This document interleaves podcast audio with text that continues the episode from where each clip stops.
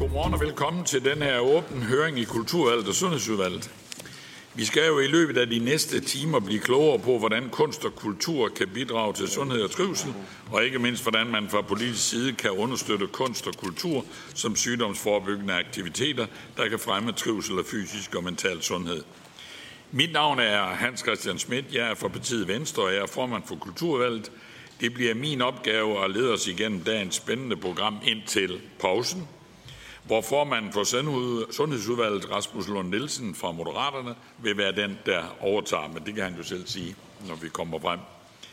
Øh, først og fremmest vil jeg gerne sige velkommen til dagens oplægsholder. Vi er meget glade for, at I har afsat tid til at være med i dag. Det er faktisk rigtig flot, at så mange og så stort panel vi har kunne samle. Og så velkommen til mine kollegaer i Kulturvalget og Sundhedsudvalget, hvor vi jo nu er mange ansigter her, og jeg synes lige, vi skal præsentere os selv. Det er sådan noget, vi i hvert fald altid gør i Kulturvalget, fordi så ved I også, hvem er vi i grunden og sådan lidt. Og vi kan lige nå det, inden at det første indlæg skal løbe af stablen. Så øh, vi tager lige en præsentationsrunde, og vi starter med dig, Thomas.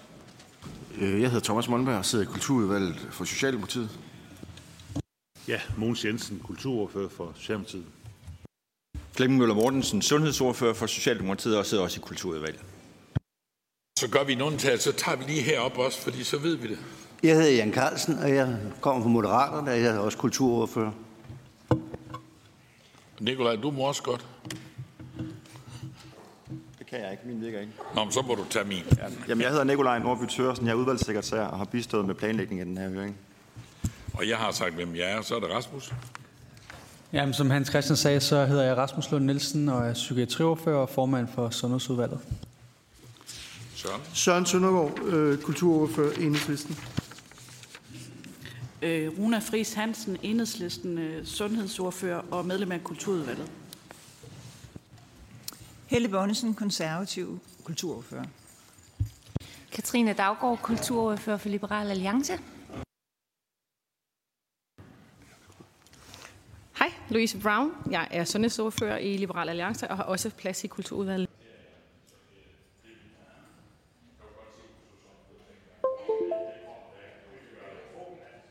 Undskyld. Godt, Måns. Jeg kan slet vende mig til, at Mogens jeg er min næstformand. Jeg har været altid, og, og, og det, han plejer altid at hjælpe. Altså. Men, men nu her, der, der spiller han en anden rolle, men han optræder stadigvæk som næstformand. Det er dejligt. Inden jeg nu giver ordet videre til den første oplægsholder, så har jeg lige et par praktiske informationer, eller det vil sige, det er Nikolaj, men han har skrevet det ned til mig, så jeg kan sige det. Da det er et tæt pakket program, skal jeg bede over oplægsholderne være opmærksom på at overholde den aftalte tid. Vi skal slutte klokken halv 12, og jeg er sikker på, at mange medlemmer ønsker at stille jer spørgsmål, så overhold venligst øh, tiden. Det vil være mulighed for at stille spørgsmål inden pausen, men ellers er det plan, planlagt en større runde spørgsmål og svar mellem den sidste oplægsholder og afslutningen. Og samtidig skal jeg bede medlemmer om at være opmærksom på, at spørgsmål og svar formuleres, som I plejer, kort og præcis. Det er I jo så enormt gode til, så det skal I bare fortsætte med. Så vil jeg øh, minde alle om, at der, der er logget på Teams om at huske at slå mikrofonen på lydløs, når I ikke har ordet, da det ellers kan forstyrre høringen. Det var det praktiske. Lad os komme i gang med høringen. Jeg vil nu give ordet til de første oplægsholder, Birgitte Bundesen fra National Center for Kunst, og øh, om mental sundhed, mental sundhed, samt projektleder Anita Jensen. De vil holde et oplæg om rapporten Bedre vilkår for kultur og sundhed. Værsgo, ordet er jeres.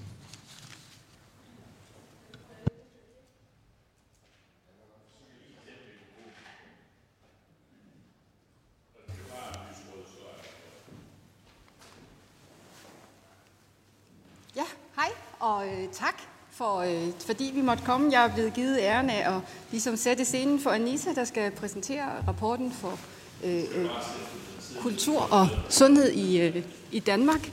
Øh, og øh, på tre minutter skal jeg lige prøve at fortælle lidt om vores arbejde i Nationalt Center for Kunst og Mental Sundhed. Jeg har valgt at øh, tage en video med her til intro.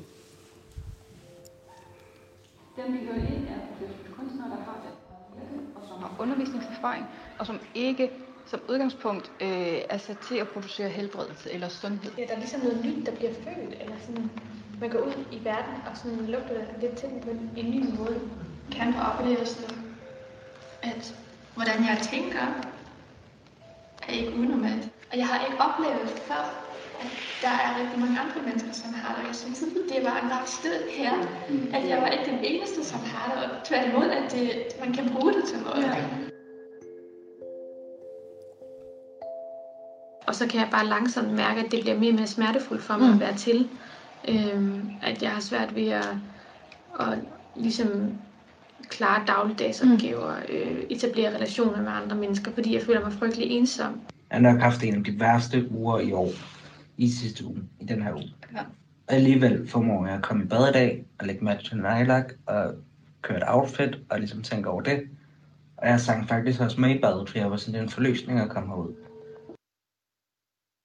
Ja, og det øh, var egentlig øh, for at gøre det lidt levende, det vi laver ude i centret, fordi vi sidder her i meget formelle omgivelser, men også for at prøve at give ordet til nogle af de brugere, de mange, mange mennesker, som kommer og bruger vores kunstneriske aktiviteter til at få det bedre. De er alle øh, patienter i psykiatriske øh, forløb, som får tilbudt de her kunstgruppeforløb som del af, af deres behandling.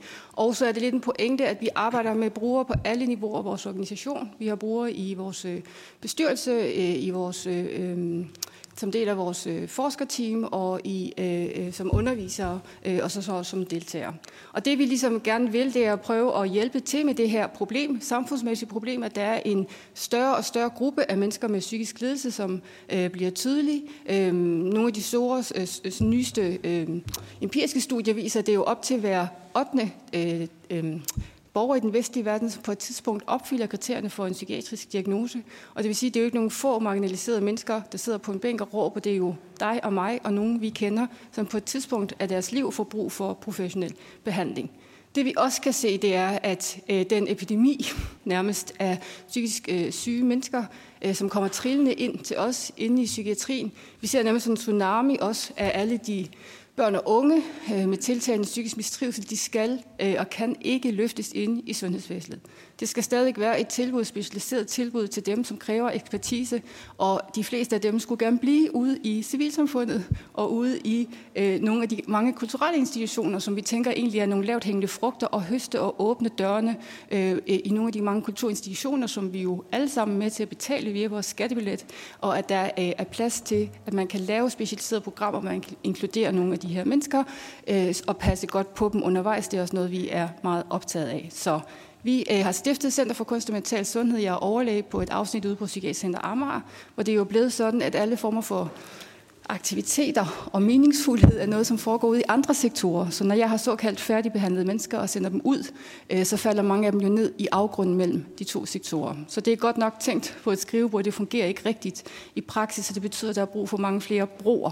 Både så der kommer færre mennesker ind, men også så der kommer mange flere mennesker ud. Så det er vi optaget af, øh, forebyggelse og rehabilitering. Så vi stiftede centret i 2019 med midler fra blandt andet SSA-reserven. Vi var heldige at få en bevilling i 2021, og så med nogle af de store danske fonde, som har været øh, villige til at støtte øh, vores arbejde, som også hele tiden har været formuleret som et forskningsprogram. Vi har fokus på at inkludere brugere, og vi har fokus på evner, ressourcer, fællesskab, oplevelsen af ejerskab og agens, altså det selv at kunne handle og agere i eget liv, og så det at stimulere sådan nogle helt eksistentielle faktorer som håb og oplevelsen af at være del af meningsfulde fællesskaber, som Danmark jo har en helt særlig tradition for via vores foreningsliv. At vi har den her kultur med, at folk deltager aktivt i deres fritid, melder sig ind i foreninger i, øh, og lægger deres tid der, og det at, at være del af et fællesskab, tænker vi egentlig er afgørende for alle mennesker, også at være noget for andre, som jo er noget, psykiatrien ikke øh, målrettet arbejder med, hvor øh, behandling er meget individualiseret. Så vi tilbyder kunstneriske grupper som del af den psykiatriske behandling, ledet af, af professionelle kunstnere og forfattere. Vi er i gang med en opskaleringsfase nu. Vi har meget fokus på øh, evaluering af høj kvalitet, så vi kan opskalere og reproducere nogle af de positive fund, vi har. Vi er i gang med en opskaleringsfase til, med skrivegrupper på seks andre psykiatriske centre på hele Sjælland og på Bornholm, og vi skal se, om vi kan reproducere nogle af de første positive fund, vi har. Jeg har taget grafen med her, fordi vi faktisk øh, har opnået mere, end vi havde kunnet håbe på, og det er jo sundhedsfaglige parametre, vi har mål på. Vi kan se, at vi kan reducere kliniske symptomer efter 15 ugers gruppeforløb ledet af professionelle kunstnere. De får reduktion af psykosesymptomer, de får mere øh, selvbestemmelse, altså oplevelsen af agens, oplevelsen af at kunne formulere sig bedre og forbedring af mere håb, fællesskabsfølelse og meningsfuldhed øh, i livet. Vi har etableret partnerskaber med Region Sjælland, Region Hovedstaden, som vi har fået bevilling sammen med, også i samarbejde med Statens Museum for Kunst. Vi har et dejligt samarbejde, til Henrik er her i dag, med Rytmisk Musikkonservatorie, København og Aarhus Universiteter, IT-universitetet og øh, forskellige sådan udstillingssteder øh, i Danmark. Det var vist min tid. Ja, så jeg tager nogle billeder med her også. Mm.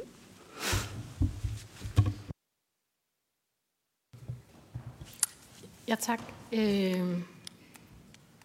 jeg kan se, at jeg har ikke så meget tid, så jeg springer lige noget over her øh, og håber at kunne øh, give jer et godt billede af rapporten. Øh, formålet, jeg hedder Anita Jensen, og jeg har været projektleder på den her rapport, øh, som hedder Bedre vilkår for kultur og sundhed. Formålet med rapporten var at indsamle viden om aktuelle indsatser og beskrive nogle af de erfaringer, der findes på kultur- og sundhedsområdet i Danmark, med henblik på at videreudvikle et politisk understøttet felt.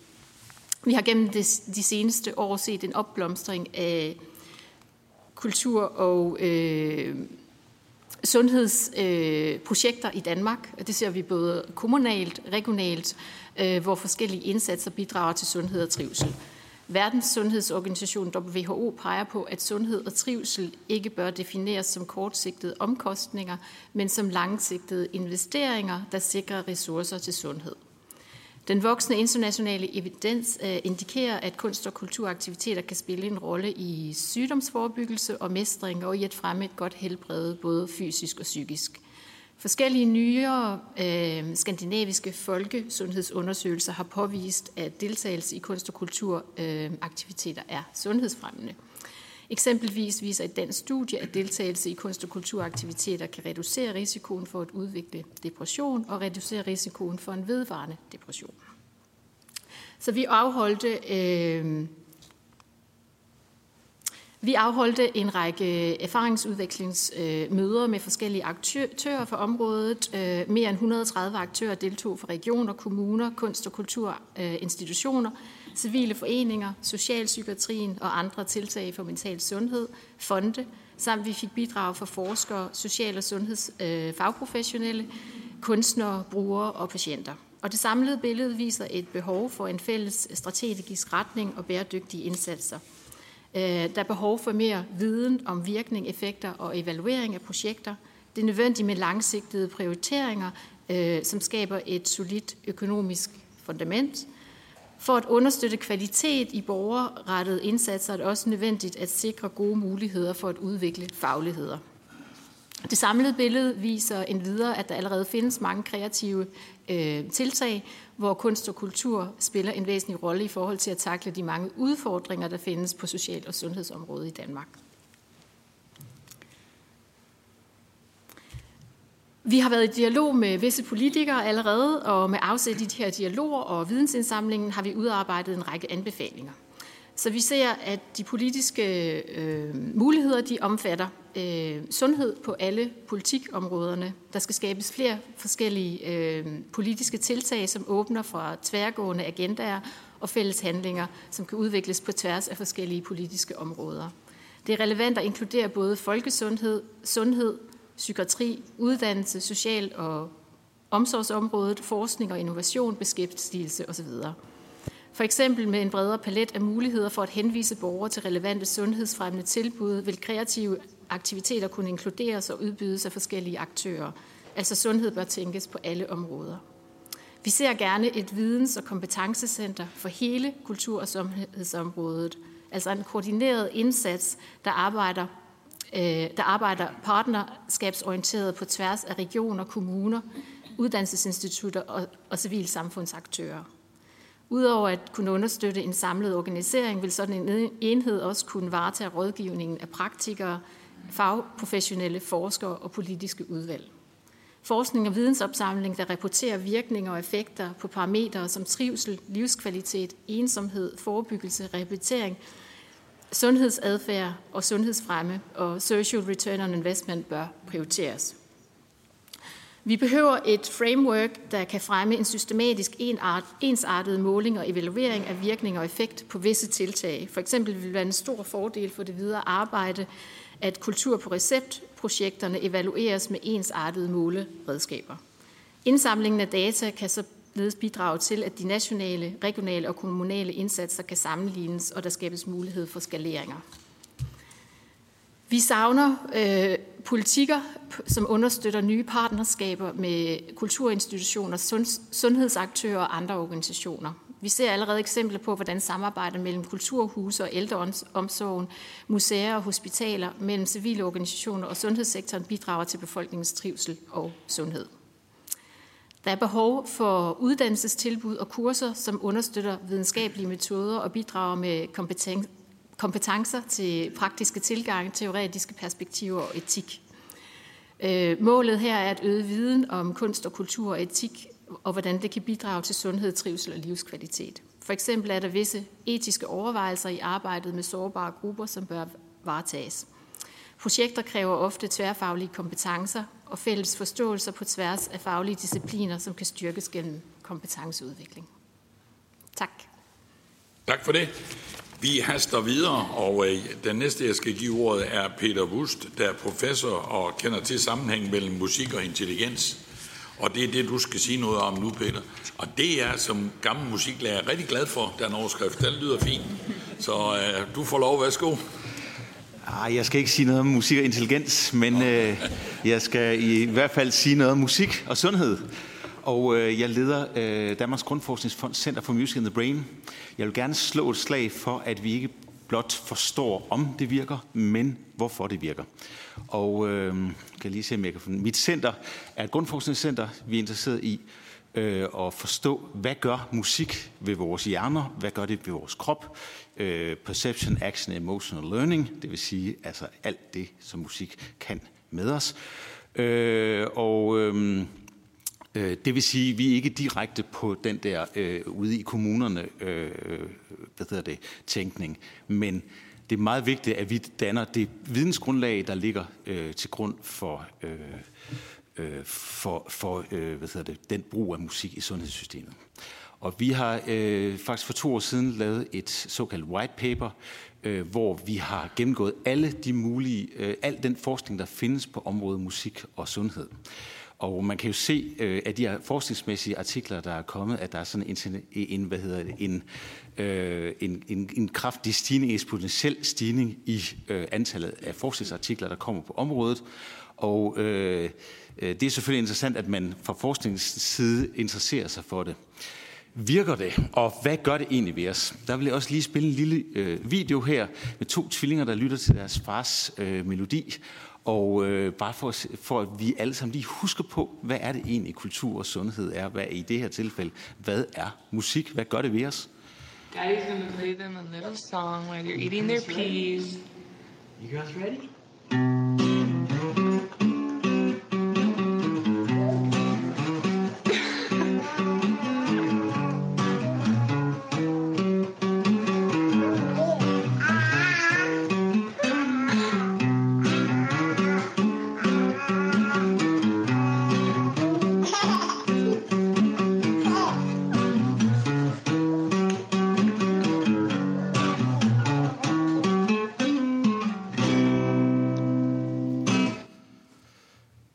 Er meget søde, de her to tvillinger. Jeg gik faktisk hjem til, hjem til min kone og spurgte, om vi ikke skulle have en lille ny, øh, da jeg set den. Så sagde hun, vores yngste er, er lige flyttet hjemmefra, det kommer ikke til at ske. Men under andre omstændigheder, det vi kan se, det er, at de lytter til det, de bruger deres hørelse, de bevæger sig til musik, de øh, føler noget ved musik, de kommunikerer undervejs, og de forstår musik, selvom de ikke forstår, hvad moren siger, og de, det handler også om læring, og det er jo selvfølgelig interessant øh, for en hjerneforsker. Men øh, det her er jo sådan faktisk en rundtur i vores hjerne, hvor man kan se at de forskellige farver svarer til de forskellige hørelse, som sidder i temporallappen. Det, det er mere blå her, følelserne, det er sjovt nok det røde i det her tilfælde. Og når vi nu skal bruge musik for eksempel, så er det meget vigtigt, at vi forstår, om det er det ene eller det andet ved vores hjerner, vi rent faktisk påvirker. Hvis man nu skal have folk til at ligge stille på operationsbordet, så er det meget vigtigt, at man selvfølgelig bruger de følelsesmæssige, det, øh, eller efter en operation for eksempel, det har man god, øh, det er der god evidens for, at det virker. Man vågner op, og så øh, får man en bedre følelse af det, men det er vigtigt, at man ikke øh, øh, bevæger sig for meget, så man skal ikke bruge de rytmisk motoriske ting. Hvorimod, hvis man for eksempel skal øh, bruge musik som rehabilitation efter et øh, slagtilfælde, så er det selvfølgelig de motoriske og rytmiske ting ved musikken, man skal bruge. Og det er selvfølgelig meget simple ting. Men øh, det kommer vi til lige om lidt. Det kan også være mere komplekst. Så hvorfor skal vi overhovedet bruge musik i sundhedssystemet? Musik er non-invasivt, det vil sige, at vi behøver ikke sprøjte noget ind i, i, i hvad hedder det, armen for folk. Vi behøver ikke give dem piller. Vi kender ikke til nogen bivirkninger. Vi, øh, det er også ret nemt at administrere. Man kan sætte en CD på, for eksempel. Og øh, det er motiverende for rigtig mange mennesker. Og faktisk også i forhold til at lave for eksempel fysiske øvelser. Der er mange mennesker, der synes, det måske er lidt træls at lave fysioterapi, men når man har musik til det, så hjælper det øh, på det. Det er også abstrakt, så vi kommer ikke op og slås om det, og det er noget, som alle mennesker forstår. Men meget vigtigt, det koster stadigvæk ressourcer. Så man er nødt til at forstå, om det virker, og hvorfor det virker for at bruge det. Øh, fordi der er stadig, skal er stadigvæk sundhedspersonale, der skal, der skal administrere det. Men for at give et eksempel på det, så kan man sige, at vi har arbejdet rigtig meget med musik og kronisk smerte. Der er en meget litteratur, der viser, at vi føler mindre smerte, når vi lytter til musik, end hvis vi ikke lytter til musik. I det her tilfælde bad vi nogle personer med kroniske, ondt i, kronisk ondt i ryggen om at rejse sig fra en stol, gå tre meter, gå tilbage igen og sætte sig ned. Og det gør man hurtigere, når man har lyttet til musik, og man føler mindre smerte ved det, når man har lyttet til musik. Og det er selvfølgelig meget smart, fordi man kan sige, at øh, smerte, altså smertestillende stoffer er jo ikke, altså det, det er jo ikke godt på den lange bane at tage, tage for meget af, og man kan bruge mindre medicin, hvis det er sådan, man bruger musik. Et andet kort eksempel på det her med at forstå mekanismerne bagved det, det er øh, lidt mere komplekst, men hvis man ser på, hvad man gerne vil bevæge sig til, og vi kan bruge det, at vi bevæger os til musik i, i forbindelse med mange forskellige sygdomme, for eksempel øh, Parkinson, øh, så øh, øh, har vi, øh, er vi blevet relativt berømt ude i verden for at have lavet et meget simpelt forsøg, der viser, at hvis rytmer er alt for simple, hen i den ene ende af den her, øh, det her omvendte U, så gider vi ikke bevæge os til det. Hen i den anden ende, hvor vi ikke kan finde de fire slag i takten, så gider vi heller ikke bevæge os til det. Men lige midten er der et sweet spot, hvor vi virkelig får lyst til at bevæge os til musik. Hvis man har, og det er, øh, det er simpelthen, hvis rytmen bliver for komplekse, så gider vi det ikke. Men hvis der ikke er nogen kompleksitet i rytmerne, så gider vi det heller ikke. Der skal være et eller andet, et eller andet, der har noget mere med end bare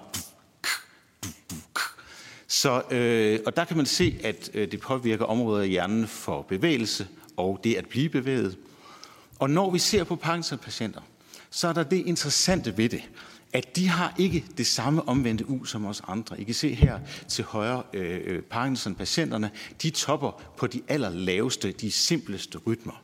Og hvis de får øh, rytmer, som bliver alt for komplekse, så, øh, hvad det, øh, så bliver deres hjerner fuldstændig forvirret, og så virker det faktisk kontraproduktivt. Det vil sige, ved at øh, forstå mekanismen, så kan vi også forstå, hvordan vi skal bruge øh, musikken, og vi kan også forstå, hvad det egentlig gør ved vores hjerner.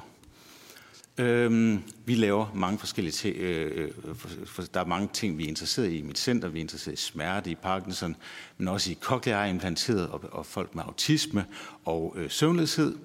Øh, og det kan man alt sammen læse mere om i øh, vores øh, white paper. Jeg har også lagt nogle stykker derude, som I kan tage, hvis I har lyst til det. Og øh, hvad hedder det, hvis I, er mere, øh, hvis I er mere ambitiøse, så kan I også læse mit seneste øh, review, øh, eller den oversigtsartikel, jeg har skrevet i Nature, om hvorfor og hvordan musik påvirker vores hjerner. Øh, det er alle de her folk, der har lavet øh, det er mit center her, og så vil jeg bare sige tusind tak, fordi jeg måtte få lov til at komme og sige noget. Tak for det, Peter. Og øh, vi går bare videre til den næste oplægsholder, og det er Charlotte Meilstrup fra Københavns Universitet. Øh, Charlotte vil snakke om ABC-modellen. Værsgo, Charlotte. Tak for det. Det vil jeg nemlig rigtig gerne. Jeg vil også gerne starte med en disclaimer, fordi jeg er ikke ekspert i øh, kunst og kultur, men forsker i mental sundhedsfremme på Institut for Psykologi, hvorfra jeg også leder den her indsats ABC for mental sundhed, som er den, jeg skal fortælle om. Det var der. Og inden jeg gør det, altså taler mere om ABC for mental sundhed, så vil jeg gerne lige sætte rammen for, hvad mental sundhed egentlig er for en størrelse, fordi det er et ret bredt begreb, og noget, som kan fortolkes lidt øh, forskelligt afhængig af, hvem man taler med. I øh, ABC for mental sundhed, den forskning, jeg laver, der lægger vi os op af WHO's definition og Sundhedsstyrelsens definition af mental sundhed som en tilstand af velbefindende, hvor individet kan udvikle sig og udfolde sine evner, kan håndtere belastninger, indgå i positive sociale relationer og bidrage til fællesskabet. Så på den her, øh, eller ud fra den her definition, så er mental sundhed et positivt begreb, som indeholder to dimensioner overordnet set. En oplevelse, altså en følelse af velbefindende, og så en funktionsdimension, som handler om, hvordan man fungerer i samspil med andre mennesker. Den peger også på, at mental sundhed er mere andet end fravær af psykiske øh, symptomer og sygdom. Så det handler altså om alt det, der også gør livet værd at leve. Definitionen indeholder ikke noget, der handler om psykisk sygdom og symptomer. Vi arbejder med øh, mental sundhedsfremme, og det vil jeg også gerne lige fortælle lidt mere om, hvordan jeg forstår det. Vi ser mental sundhed som en konstant proces igennem livet, hvor man kan bevæge sig frem og tilbage af det her mentale sundhedsspektrum, som jeg vil tage igennem som en flodmetafor. Så hvis I forestiller jer livet som en flod, hvor oppe i den ene ende, der er vandet helt klart, det er lavt, der er ikke nogen særlig strøm. Man kan nemt øh, se sin tær, måske har man endda badevinger. Det er let at overskue sin situation. Og når man er i den ende af floden, så taler vi om, at man har høj mental sundhed, eller man er blomstrende, af det engelske udtryk flourishing. Lidt længere ned af floden, der bliver vandet lidt dybere og lidt mere grumset. Der kommer en stærkere understrøm, og når man er der, så taler vi om, at øh, man har moderat mental sundhed. Man har det okay, man kunne godt have det bedre. Og når man er der, så er man i forøget risiko for at ryge endnu længere ned af floden, hvor øh, understrømmen er stærk. De der badevinger skal man kigge længe efter. Øh, vandet er blevet meget mere grumset, og man oplever mental usundhed. Man er i mistrivsel. Nogen oplever måske endda øh, nogle symptomer på stress. Og så er man i forøget risiko for at ryge ud over kanten og blive øh, taget ned af vandfaldet, hvor man vil opleve mere hyppigt forekommende psykiske lidelser som angst og depression. Og det er klart, at når vi er hernede, så skal vi have fokus på at behandle folk. Vi skal have dem tilbage op i floden. Når man oplever øh, mistrivsel eller begyndende tegn på stress, så skal vi forebygge risikofaktorer og sørge for, at folk ikke ryger ud over kanten. Men på tværs af hele floden og som supplement til behandling og forebyggelse er det vigtigt, at vi har fokus på at fremme mental sundhed. Fordi hvis vi alene fokuserer hernede, så vil vi ikke reducere antallet af mennesker, der kommer derned i første omgang. Så Derfor mental sundhedsfremme, som har fokus på beskyttende faktorer og ressourcer, som kan findes alle mulige forskellige steder. De kan findes i individet, noget er medfødt. De findes også i alle de øh, relationer og omgivelser, som er en del af vores hverdagsliv. I kender måske øh, denne her, måske ikke lige den her udgave, men den socioøkologiske model, som netop peger på, hvordan individet ikke er isoleret, men, men påvirket af alt det, der sker omkring os. Den peger også modellen her på, at de fleste faktorer af betydning for mental sundhed ligger uden for sundhedssektoren. Igen, når vi er blevet syge, så skal vi behandles, men når vi taler mental sundhedsfremme, så bør det ske ude i det levede liv, derude, hvor vi er omkring hinanden. Og derfor er der også behov for at samarbejde på tværs af sektorer og resortområder. Og derfor arbejder vi i ABC for Mental Sundhed. Vi er organiseret som et stort partnerskab på tværs af os som forskere, kommuner, foreninger og organisationer, samarbejder også med civilsamfundet øhm, og for eksempel idrætsforeningerne, om at styrke den mentale sundhed. Vi er mere end, øh, end 70 partnere på tværs af hele landet efterhånden, og arbejder alle sammen ud fra den her forskningsbaserede arbejds- og forståelsesramme, som vi kalder ABC-rammen. Og den indeholder tre overordnede pejlemærker, A gør noget aktivt, og det kan både være fysisk aktivt, det kan også være mentalt, socialt, spirituelt aktivt, og det kan også handle om at gøre noget aktivt for at skabe øh, tid til ro og fordybelse. Det næste pejlemærke handler om at gøre noget sammen. Der er flere, der også har været inde på, hvordan sociale relationer er helt afgørende for vores mentale sundhed. Og sedet gør noget meningsfuldt. Det handler ikke så meget om selve aktiviteten, men mere at det, man gør, øh, opleves som meningsfuldt. Og den her ramme er grundlaget for den oplysningsindsats, kommunikationsindsats, vi laver, altså oplyser om, at mental sundhed er vigtigt for alle, uanset hvor man befinder sig på floden, og der er noget, man kan gøre for at styrke sin egen og andres mentale sundhed. Det er grundlaget for kapacitetsopbygning ude i kommunerne og blandt frivillige medarbejdere. Og så er det grundlaget for den forskning og samarbejde og vidensdeling, vi laver på tværs af partnerskabet. Ja, så nogle vigtige pointer her. Fokus på at samarbejde på tværs af resortområder, bygge bro mellem forskning, policy og praksis. At der skal sættes ind på flere niveauer. Det nytter ikke at oplyse individet om, hvad man selv skal gøre. Der skal også være fokus på de rammer og strukturer, der er omkring individet. Øh, kunst og kultur som mental sundhedsfremme kan være afstigmatiserende. Vi skal have fokus på mental sundhedsfremme for alle, uanset hvor man er på floden. Og det kan være med til at fremme fællesskaber, og det her med, at vi kan være fælles om noget fælles tredje. Og så bør vi have fokus på fremme af mental sundhed, og ikke alene på sygdom. Det var det, jeg havde. Jeg har taget en, øh, en bog med, kun en enkelt, hvis der er nogen, der vil bladre i den, som øh, viser lidt mere af de eksempler, vi også har lavet i ABC for mental sundhed på alle mulige forskellige områder, ikke kun inden for kunst og kultur. Tak for det. Jamen, det var fint, og øh, det må folk jo så lige finde ud af, hvis det er. Øh, hvis du lægger den derude, så øh, skal vi nok sørge for, at om ikke, så tager vi den, Perfekt. og sørger for at dele den rundt, sådan at øh, det, hvis nogen vil have lov at læse i den, så kan det gå på skift lidt. Så det, det finder vi ud af. Det kan være. Det var, øh, det var Charlotte, der lige øh, indledte her om, øh, om, omkring det med ABC-modellen. Den sidste, øh, som skal sige noget her, inden at øh, vi åbner op for spørgsmål, det bliver øh, dig, øh, Esben Danielsen, direktør for Kulturens Analyseinstitut. Du er den, der får ordet nu. Værsgo. Tak for, at jeg måtte komme. Øhm, jeg vil bare sige noget helt kort. Vi har ikke virket så længe. Vi har været for alvor i gang i cirka et halvt år og kigger på tværs af kunst- og kulturlivet. Altså set fra, kan man sige, den anden side af fagligheden, end det vi har hørt rigtig meget om lige nu. Øh, og det, der øh, virker måske helt banalt at sige, det er, at den her indsats med at arbejde med kunst og kultur i forhold til sundhed, mental sundhed, et bedre liv, det virker. Jeg tænker ikke, at det overrasker jer, der sidder her, men øh, når vi er rundt og snakker med aktørerne, så er det faktisk stadig noget, der godt kan blive omtalt sådan lidt som noget hokus pokus. Noget, der måske kommer fra nogen, der øh, var i flagret tøj i 70'erne, og ja, ja, den er god med jer. Selvfølgelig er det fint nok at spille lidt musik, men virker det virkeligt?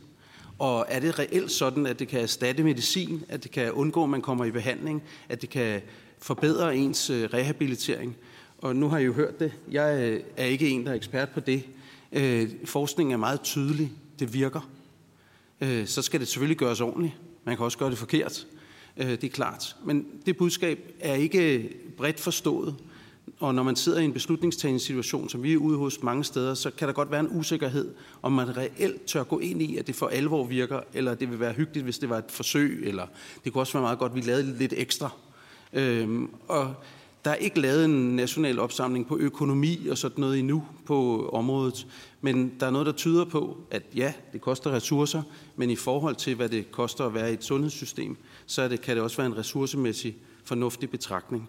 Så der er faktisk noget med her, at, at øh, vi har brug for, at øh, reelle fagfolk og beslutningstagere, der ikke er tæt på det her område, ser effekterne med egne øjne og ser det for alvor.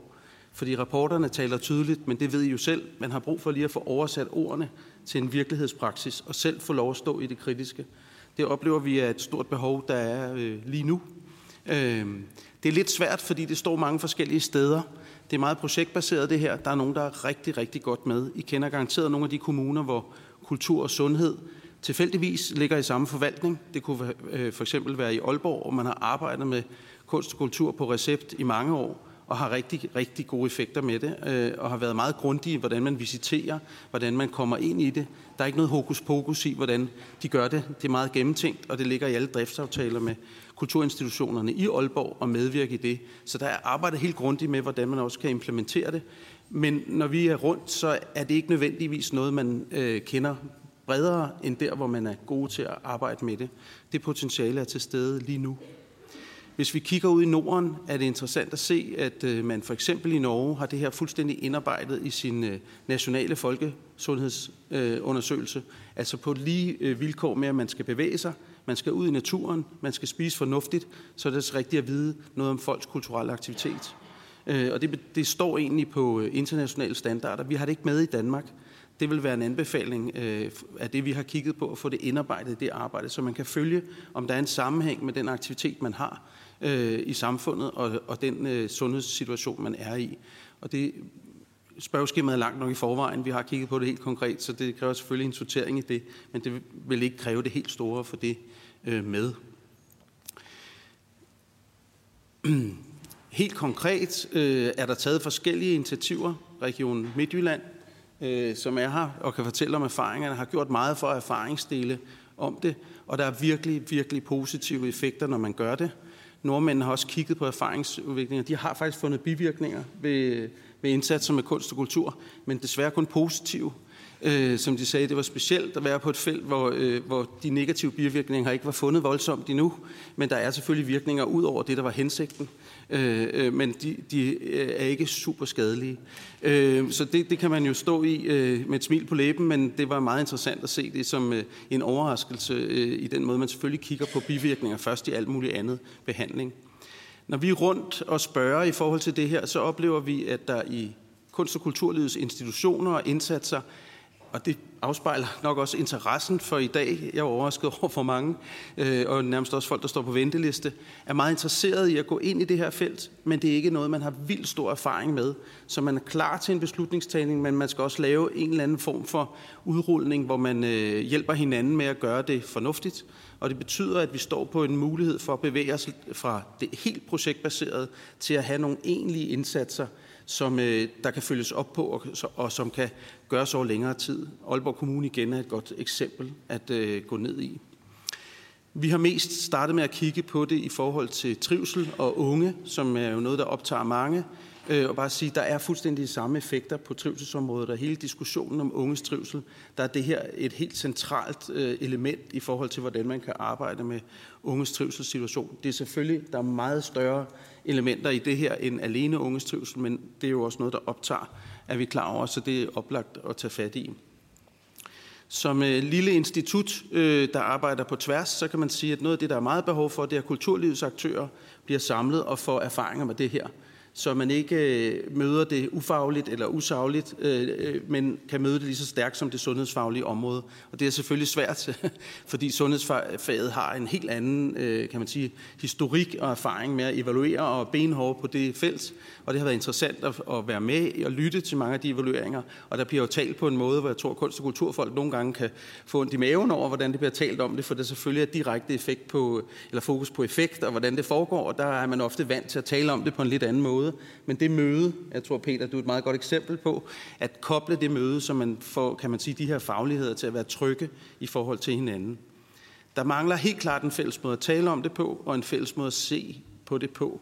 Hvis I spørger helt jordnært, hvor mange er med, hvem er med, hvad har de egentlig deltaget i, så er det faktisk svært at svare på. Der vil man skulle dykke ned i de enkelte projekter, og hvad vil det sige at deltage? Det er forskelligt. Hvad vil det sige, hvad det koster? Det er forskelligt, fordi man ikke har lagt nogen grundlæggende simple fælles øh, grundlag for at tale om det på. Øhm, det vil vi anbefale, at man tager fat i. Vi vil gerne medvirke til det også. Som forsøg øh, gør vi nu sammen med Region Midtjylland og laver en meget kvik kortlægning af alle de cases, der er i Danmark i løbet af det næste halve år, for at have det første overblik. Det vil ikke kunne svare på, hvad de rigtige basis sammenligningsfaktorer er, men kunne give første grundlag for det. Så det håber vi at kunne levere til jer øh, omkring øh, sommerferien. Og så håber vi, der kan arbejdes videre i den her sammenhæng. Øh, den her diskussion og debat har i hvert fald gjort, at der er aktører, der begynder at mødes og tale om, hvordan kan det her samarbejde få en basis øh, fremad. Det tænker jeg også at er noget af det, I har på dagsordenen uden at gætte på, hvad I gerne vil have fokus på. Tak. Tak, Esben. Øh, det var fint, og, og nu fik vi lige pludselig indhentet tiden, så nu er det helt, som det skal være, og, og det er jo fint. Øh, jeg skal lige sige til tilhørende, og jeg er jo vildt imponeret over, at der er kommet så mange tilhører, det vil jeg lige sige til jer. Det er fantastisk at se. Øh, men øh, I får ikke muligheden for at stille spørgsmål nu, det bliver udvalget, men I gør det senere. Så forbered jer endelig, så I kan huske, hvad, hvad I gerne vil svare på. Men det er dejligt at se jer her. Så nu, nu starter vi med udvalgsspørgsmål, og derfor siger jeg til de to udvalgsmedlemmer, eller to udvalg, at medlemmerne kan nu spørge, hvis de vil. Jeg har allerede fået tre, og øh, hvis der er flere, og det kan jeg se, Charlotte er også dernede, så det må vi gerne skrive på, og der er også en herover, så vi, vi, vi får det lige kigget, Annie også med.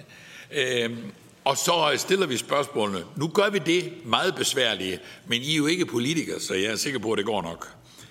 Man vil aldrig nogensinde øh, lade politikere gøre det, fordi de, det vil ikke kunne huske så lang tid, altså så vil de straks være optaget af noget andet. Men nu gør vi det, at vi tager alle spørgsmålene, så sorterer I selv, hvad, hvad for nogen I skal svare på. Og det er vi simpelthen nødt til at gøre, for vi har 15 minutter, så der er ikke så meget at komme efter. Vi går i gang. Mogens Jensen, anden første. Værsgo. Tusind tak. og også, også tak for de forløbige indlæg. Og jeg tror, ja, vi var vel, er det otte år siden, der var en høring her, øh, også organiseret af Sundhedsudvalget og Kulturudvalget, om øh, det, det her emne, og der var der altså også øh, stor interesse, og det er der jo stadigvæk. Og, og, og, og, og det, som jeg tror var en af baggrunden for, at vi ville holde høringen her, for at sige, hvad er der så sket sidenhen, og hvordan kan vi politisk være med til at understøtte den her, øh, den her gode udvikling. Øhm, og og jeg, jeg tror, for at holde det kort, jeg vil, jeg vil spørge ind til stadigvæk, og det var det, du var inde på, Esben. Og der vil jeg spørge jer, der repræsenterer sundhedssektoren øh, øh, øh i det her. Øh, øh, hvordan tages det her alvorligt i sundhedssektoren? Altså, det I laver, altså hvad er jeres almindelige vurdering af på de forskellige områder, om det her ligesom er noget, man siger, ja, jamen det er øh, et metode, vi kan bruge i dag, og det bruger vi øh, ressourcer på. Altså det, det kunne jeg godt tænke mig at høre jeres vurdering af, måske ikke kun på jeres eget område, men også hvad jeres generelle øh, holdning øh, øh er. Det andet er omkring evidens, fordi det, det er jo klart, at, at, at det har vi også diskuteret tidligere, det forlanger man jo, når man ligesom skal investere i noget, også på sundhedsområdet. Øh, I efterlyser standardiseret måling af effekt og virkning på det her. Øh, hvordan gør vi det? Hvordan skal det organiseres, øh, hvis det skal, øh, hvis det skal, øh, hvis det skal øh, fungere? Ja tak. Øh, der er otte, der har bedt om ordet, så nu ved I, hvor mange I skal skrive ned, hvis det er. Og øh, jeg er benhård, fordi kl. 10 kommer vi til at stoppe, fordi ellers så, øh, vi, vi streamer jo den her udsendelse, og hvis jeg begynder at gå over den, så går det helt galt med tv, og hvad ved jeg. Så vi bliver lidt hårdere, hvilket jo ikke er normalt, og slet ikke i kulturvalget. Men nu er der næste Flemming Møller Mortensen, værsgo. Det er altså utrolig dejligt at se, hvordan sådan funderingen og erfaringerne bare bliver samlet op. Øh, og det er også dejligt for mig at registrere, jeg synes, sådan integrationen mellem sundhed og kultur, den bliver, den bliver mere og mere øh, synlig.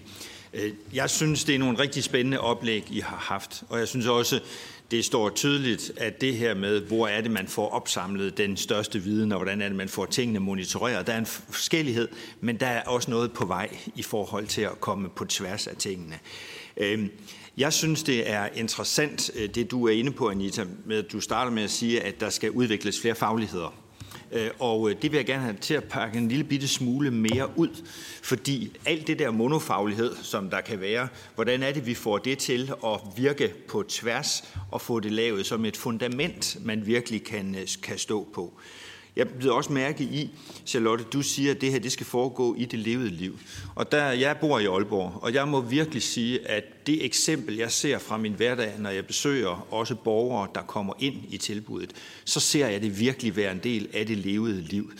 Og når jeg har øh, talt med, øh, med, med, med fagpersonerne i Aalborg Kommune, så har mit spørgsmål også været, hvordan får I nu borgeren hen til tilbuddet? Øh, og der vil jeg høre, om der er nogen, der har nogle øh, noget, der kan, man kan dele der. Fordi vores samfund bliver først rigtig rig på det her felt, hvis man får de mange med.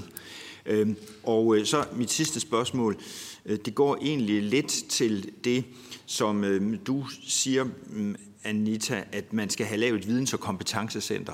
Og så tænker jeg, Esben, nu har vi fået Kulturens Analyseinstitut. Hvordan får vi det her koblet? Fordi vi skal jo ikke lave for, for mange institutioner. Vi skal ikke lave for mange centre. Øh, det her er et spørgsmål om, at her skal kultur og sundhed være en integreret del for at, nå borgeren. Og derfor vil jeg høre, hvad, om I tænker, at der er en mulighed ved, at man kan lave en udbygning eller en integration i forhold til øh, Kulturens Analyseinstitut. Tak. Tak for det. Den tredje er Mathilde Powers fra Socialdemokratiet. Værsgo. Ja, tusind tak for det, og tak for øh, spændende indlæg indtil videre. Jeg har heldigvis hørt flere af jer før også, synes det er meget øh, interessant det her. Jeg er selv ordfører for øh, unges trivsel og for forebyggelse, og øh, det er rigtigt, som flere af jer nævner, at vi har stort fokus på den her stigende mistrivsel blandt unge, og i den anledning vil jeg gerne spørge jer, øh, måske er det øh, Birgit eller Esben, det kan også være nogle af jer andre, vil byde ind.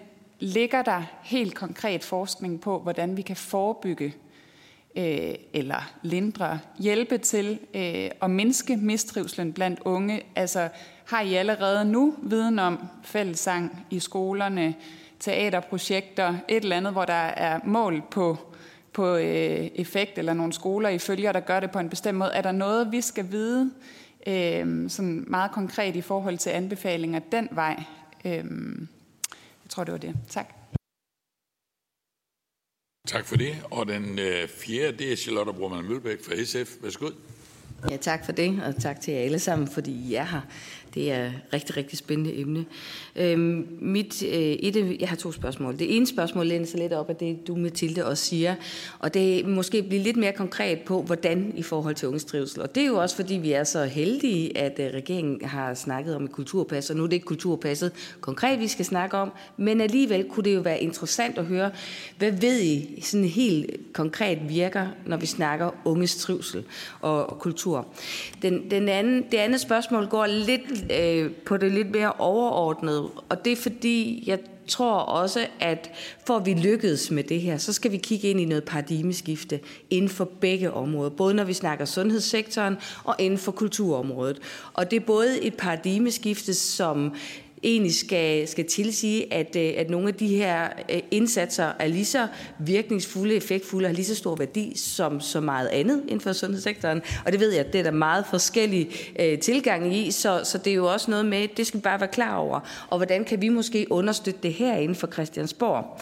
Og, og det samme også på kulturområdet, hvor man helst ikke vil øh, have for meget måling. Nu, nu siger jeg det også meget generaliseret, men, men man vil jo gerne have, at kulturen har værdi i sig selv osv. Så, videre. så kunne I prøve at komme med nogle refleksioner på, hvad kan vi gøre? Hvordan kan vi prøve at i gang sætte den proces for at, at, at lave det paradigmeskifte, så, så vi faktisk kommer til at lykkes med det, så vi ikke skal tale om det igen bare i ønsker, men konkret. Nummer 5 bliver Katrine Daggaard fra Liberal Alliance. Værsgo. Tak for spændende oplæg. Øh, jeg er selv uddannet musiker og, øh, og ved, øh, hvor meget kunst og kultur virkelig kan, når man bruger det også som middel til alt muligt andet godt.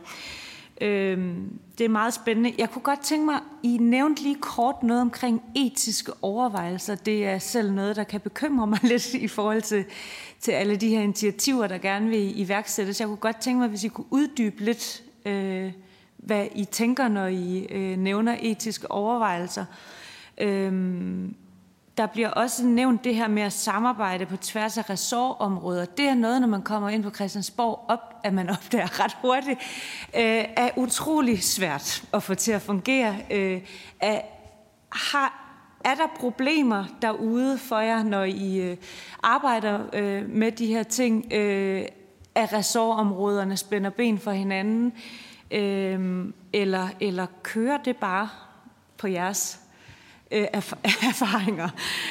Og så kunne jeg til sidst også godt tænke mig, hvis nogen af jer, jeg, jeg ved ikke lige helt hvem, men hvis nogen af jer kunne komme ind på, om, om vi mangler noget i forhold til uddannelse på det her. Øh, ja, det synes jeg kunne være interessant at høre noget om. Det er fint. Øh, og så er det nummer 6, Annie Mathisen fra Venstre. Værsgo. Tak for det. Jeg skal gøre det kort. Tak for jeres gode indlæg. Øhm, og bare lige for at understrege, at øh, når man øh, har altid musik i huset, som vi har hos os, så finder man jo selv ud af, hvor, hvor meget det betyder for en. Øh, Øh, men jeg kunne godt tænke mig lige at spørge ind til, også bare for at understrege, jeg vil så gerne, at vi ikke øh, rent sagt sidder her om otte år igen, og så vi ikke føler, at vi er kommet videre. Øh, jeg ved godt, I arbejder hele tiden med det her, men, men kunne I sige noget om, blandt andet Charlotte, du er lidt ind omkring, øh, at det er utrolig vigtigt, tror jeg, du sagde, at både rammer og omgivelser, de er med til at understøtte. Kunne du prøve at gøre det mere konkret? Hvad mener du? Og så tænker jeg i forhold til Aalborg, som jo netop er det, der, det, den kommune, der er blevet nævnt rigtig mange gange, og som har gjort det godt. Og jeg tænker bare, hvorfor i alverden er det, at vi ikke sikrer, at man så gør det samme som i Aalborg? Altså, har I, øh, har I måske, nogle af jer haft nogle kontakter i forhold til KL og så videre? Fordi hvis man måske allerede kan dokumentere eller bevise i Aalborg, at det her det virker, øh, og har en positiv afsmitning mange steder, så tænker jeg sådan lige igen, jamen okay, hvorfor er det, man ikke så griber den bold også i andre kommuner? Tak. Tak for det. Og så er det Louise Braun fra Liberal Alliance. Værsgo. Tak for det. Ja, jeg ville da også ønske, at man bare kunne lave en copy-paste der, hvor det dur, men det er der åbenbart lidt modstand på rundt omkring. Øhm, det er ganske kort, Peter. Er der, øh, og tak, Jørgen. Er der øh, forskel på den her oplevede smerte, og så altså, kan man måle en fysisk, kan man se smerten i forhold til en oplevet smerte? Og i bund og grund ved jeg godt, det er ligegyldigt, for hvis man oplever, at smerten er mindre, så er det jo det, der virker. Men det, det er bare nysgerrighed. Tak. Og så nummer 8 skulle have været af Rasmus Lund Nielsen, men han har afstået for, så, og så er det Helle Bonnesen, I skal. Værsgo. Tak. Og tak til, også herfra til alle øh, indlæggene. Øhm, jeg har først et spørgsmål. Jeg har to spørgsmål. Det ene, det er øh, til øh, Birgit og Anita, og måske også til Charlotte, omkring det her med, øh, at det skal være sygdomsforbyggende. Øh, nu har vi jo et øh, kulturpas på vej, som øh, handler om øh, øh, unge, sårbare øh, personer. Øh, hvilke gode råd er der i forhold til, hvad slags retning skal man køre i forhold til det her kulturpas? For der kan jo være masser af muligheder med både altså individuelle, individuelle oplevelser, fællesskabs, øh, eller fællesskabsoplevelser, øh, aktive og passive. Altså har I nogle gode råd med på vejen? Og det andet spørgsmål, det går til øh, Peter omkring øh, musikken. Øh, her i en tid, hvor vi diskuterer meget ældrepolitik, så kunne jeg godt tænke mig at høre om, øh, øh hvad forskning øh, der ligger om på, på ældreområdet, især jeg tænker på sygdomsrelaterede Alzheimer, øh, demens og, og, og den retning. Øh, har forskning nok på det område? Er der nogle gode erfaringer, vi kan drage nyt af? Tak for det. Øh, jeg tror, jeg har talt 15 spørgsmål. Og øh, det vil sige, at I har syv minutter til, og det bliver nok halvsvært. Men hvis I ikke når det nu, så har vi en halv time til sidst, i, og så tager vi dem. Og Birgitte Vind er øvrigt også den første, der får ordet, når vi går ind i den næste spørgerunde. Værsgo til jer op, og I markerer bare, hvem er der vil starte, og så øh, kører vi ind til klokken 10, og så stopper det. Hvem vil gerne starte? Ja, værsgo. Jamen, øh, tak for alle de mange spørgsmål. I kunne jo sidde her i flere dage, men øh, rigtig dejligt at høre, hvad I ligesom også øh, fokuserer på. Det, jeg hører, ligesom, det er også, at der, øh, som svar til dig, Charlotte, hvordan gør vi rent praktisk? Altså, det argument, vi har, det er, at der er jo nogle sektorer og nogle logikker, som fungerer relativt autonomt, og vi tænker, at det her det skal ikke bo inde i hverken sundheds- eller kultursektoren. Det skal fødes som sit eget tredje sted, hvor man kan prioritere det som en samlet indsats. Øhm, så er der også fokus på, som Anita også sagde, det interdisciplinære, som i sig selv ligesom bliver nødt til at være et fokus, at der tales forskellige sprog og forskellige logikker i de sundhedsvidenskabelige paradigmer, i kunstsektoren, og det overhovedet at finde et fælles sprog for at identificere nogle fælles problemer er en første indsats, og det tager tid. Så synes jeg også, det er vigtigt, det der med evidensspørgsmål. Øh, jeg er rigtig glad for jeres indsats, også ideen om den der mental sundhed som et spektrum. Du brugte metaforen med, et, øh, med en flod. Når, fordi at det, man er jo ikke et anderledes slags menneske, når det er, man ender i psykiatrien. Man er i en fase af sit liv, hvor man ikke øh, kan klare de problemer, man har selv. Men der er forskellige grader af det. Og de forebyggende indsatser skal jo henvende sig til det, der bor i mennesker, som er styrke og resiliens, altså et naturligt immunforsvar, som alle mennesker har, som man kan styrke i de her fællesskaber. Vi tror også, at små grupper, du introducerer også en idé om det socioøkologiske som en model, at psykiatriens mindset også øh, skal til genforhandling, for kunsten har altid eksisteret inde i psykiatrien, og den har levet længere end psykiatriens idé. Det er et bæredygtigt format, og det med at etablere de der små, trygge grupper, som er nogle særlige miljøer, hvor man kan opdyrke. Vi arbejder meget med ideen om resonans, øh, som kan gøres etisk bæredygtige, fordi de også sundhedsfagligt kan kvalificeres. Man kan sige, at vi har jo dem i den tunge ende. Vi skal være sikre på, at folk ikke bliver meget psykotiske, at de går og tager deres eget liv, at de ikke skubber rundt til andre mennesker. Så det med at prøve at importere nogle af de bedste principper for sundhedsvidenskaben med do no harm, prøve at være sikker på, hvad det er, I gør, fordi at kunsten virker, og den virker ikke altid kun godt, så der er bivirkninger. Ikke? Og vi skal være sikre på, at når vi skubber til folk med kunsten, at vi har de ekspertiser til at samle op på det, så derfor skal kulturpasset, noget af det synes jeg skal være øh, en mere øh, formuleret, øh, rammesat øh, del, hvor man også kan invitere folk ind med sådan lidt i den tunge ende af psykiske symptomer og passe godt på dem, men at man ved, hvad man gør. Og den form for dialog hører jeg ligesom alle her også efterspørge. Det tager tid. Det tager tid at producere evidens, og det tager tid at tale sammen, og det er simpelthen det, vi skal mere. Tak for det. Så skal jeg spørge, om der er en anden en, der vil uh, svare, eller om I synes, at I føler jer dækket ind. Ja, værsgo, Esben. Jamen helt, helt kort, der bliver spurgt om øh, jo rigtig mange forskellige ting. Der er ingen tvivl om, vi oplever, at vi har en opgave med at være med til i hvert fald at samle de aktører, der er på kunst- og kulturområdet, til at medvirke i det her. Så det tænker jeg, at, at vi bør tage et initiativ til efter den her samtale at få samlet de aktører, for hvad skal der til at fortsætte det? Øh, nu har vi ikke været i gang så længe, så jeg skal lige respektere, at der er nogle andre opgaver, der skal øh, leveres på også. Øh, så spørger I i forhold til unges trivsel. Øh, og der er ikke sådan en fuldstændig benhård faktor på det, men øh, og øh, min analyseforskningschef er her, så nu bliver han utryg, når jeg siger, at jeg tillader mig i direktørrollen at lave nogle, øh, nogle, øh, nogle hurtige øh, effektsamtaler. Så er der ingen tvivl om, at erfaringerne fra idræt øh, med at selv at være aktiv ude i et fællesskab, er det afgørende for at øh, øge sin trivsel. Det, der så bliver udfordringen, det er, hvordan får vi lavet en brobygning, så man kommer med, fordi der er en tendens til, at dem, der er med i de her aktive fællesskaber, er dem, der er i god trivsel, og der er måske en årsag til, at de andre ikke er med. Så, så vi har også en dialog med, med Trivselskommissionen om, at den brobygningsindsats er vigtig, og så ser billedet, altså organiseringsbilledet på kunst- og kulturområdet markant anderledes ud end på idrætsområdet. Der er ikke samme øh, kan man sige, folkelig foreningsorganisering i helt samme grad, men den er dog til stede, og den er til stede på flere områder, man direkte kunne tage fat i. Korområdet er et meget godt eksempel, men der er også en del kulturinstitutioner, der nu går ind og laver fællesskabsorganiserede aktiviteter. Øh, og der er ingen tvivl om, der vil være en vej der, som, som uden tvivl har virkning. Desværre er at få folk ind. Øh, pris er ikke den eneste parameter eller den eneste barriere for at deltage i det her. Charlotte, vil du øh, starte? Værsgo. Ja, det vil jeg gerne, jeg vil i hvert fald gerne supplere her. Jeg er fuldstændig enig i, at det svære er at få folk ind, og det leder måske hen til at svare på dit spørgsmål om, omkring rammer og strukturer, og lidt omkring uddannelse og sådan noget. Det er i hvert fald noget af det, vi arbejder med i APC for Mental Sundhed, også det her med at uddanne, opkvalificere frontpersonale, øh, frivillige øh, hvad hedder sådan noget, trænere i idrætsorganisationerne, for eksempel til at tage godt imod nye, fordi en ting er at komme derhen, men hvis man så også kommer til et lukket fællesskab, øh, så kan det være svært, så har man ikke lyst til at komme igen i hvert fald. Så det her med sådan helt lavpraktisk. Hvad gør man, når der kommer en ny ind? Hvordan øh, kigger vi lige på hinanden? Laver vi en navnerunde? Hvordan sørger vi for, at, øh, at man føler sig taget godt imod og taget hånd om og bliver inkluderet i fællesskabet? Så det kunne være en sådan meget lavpraktisk, konkret måde, man kunne arbejde med strukturerne eller rammerne for fællesskaber.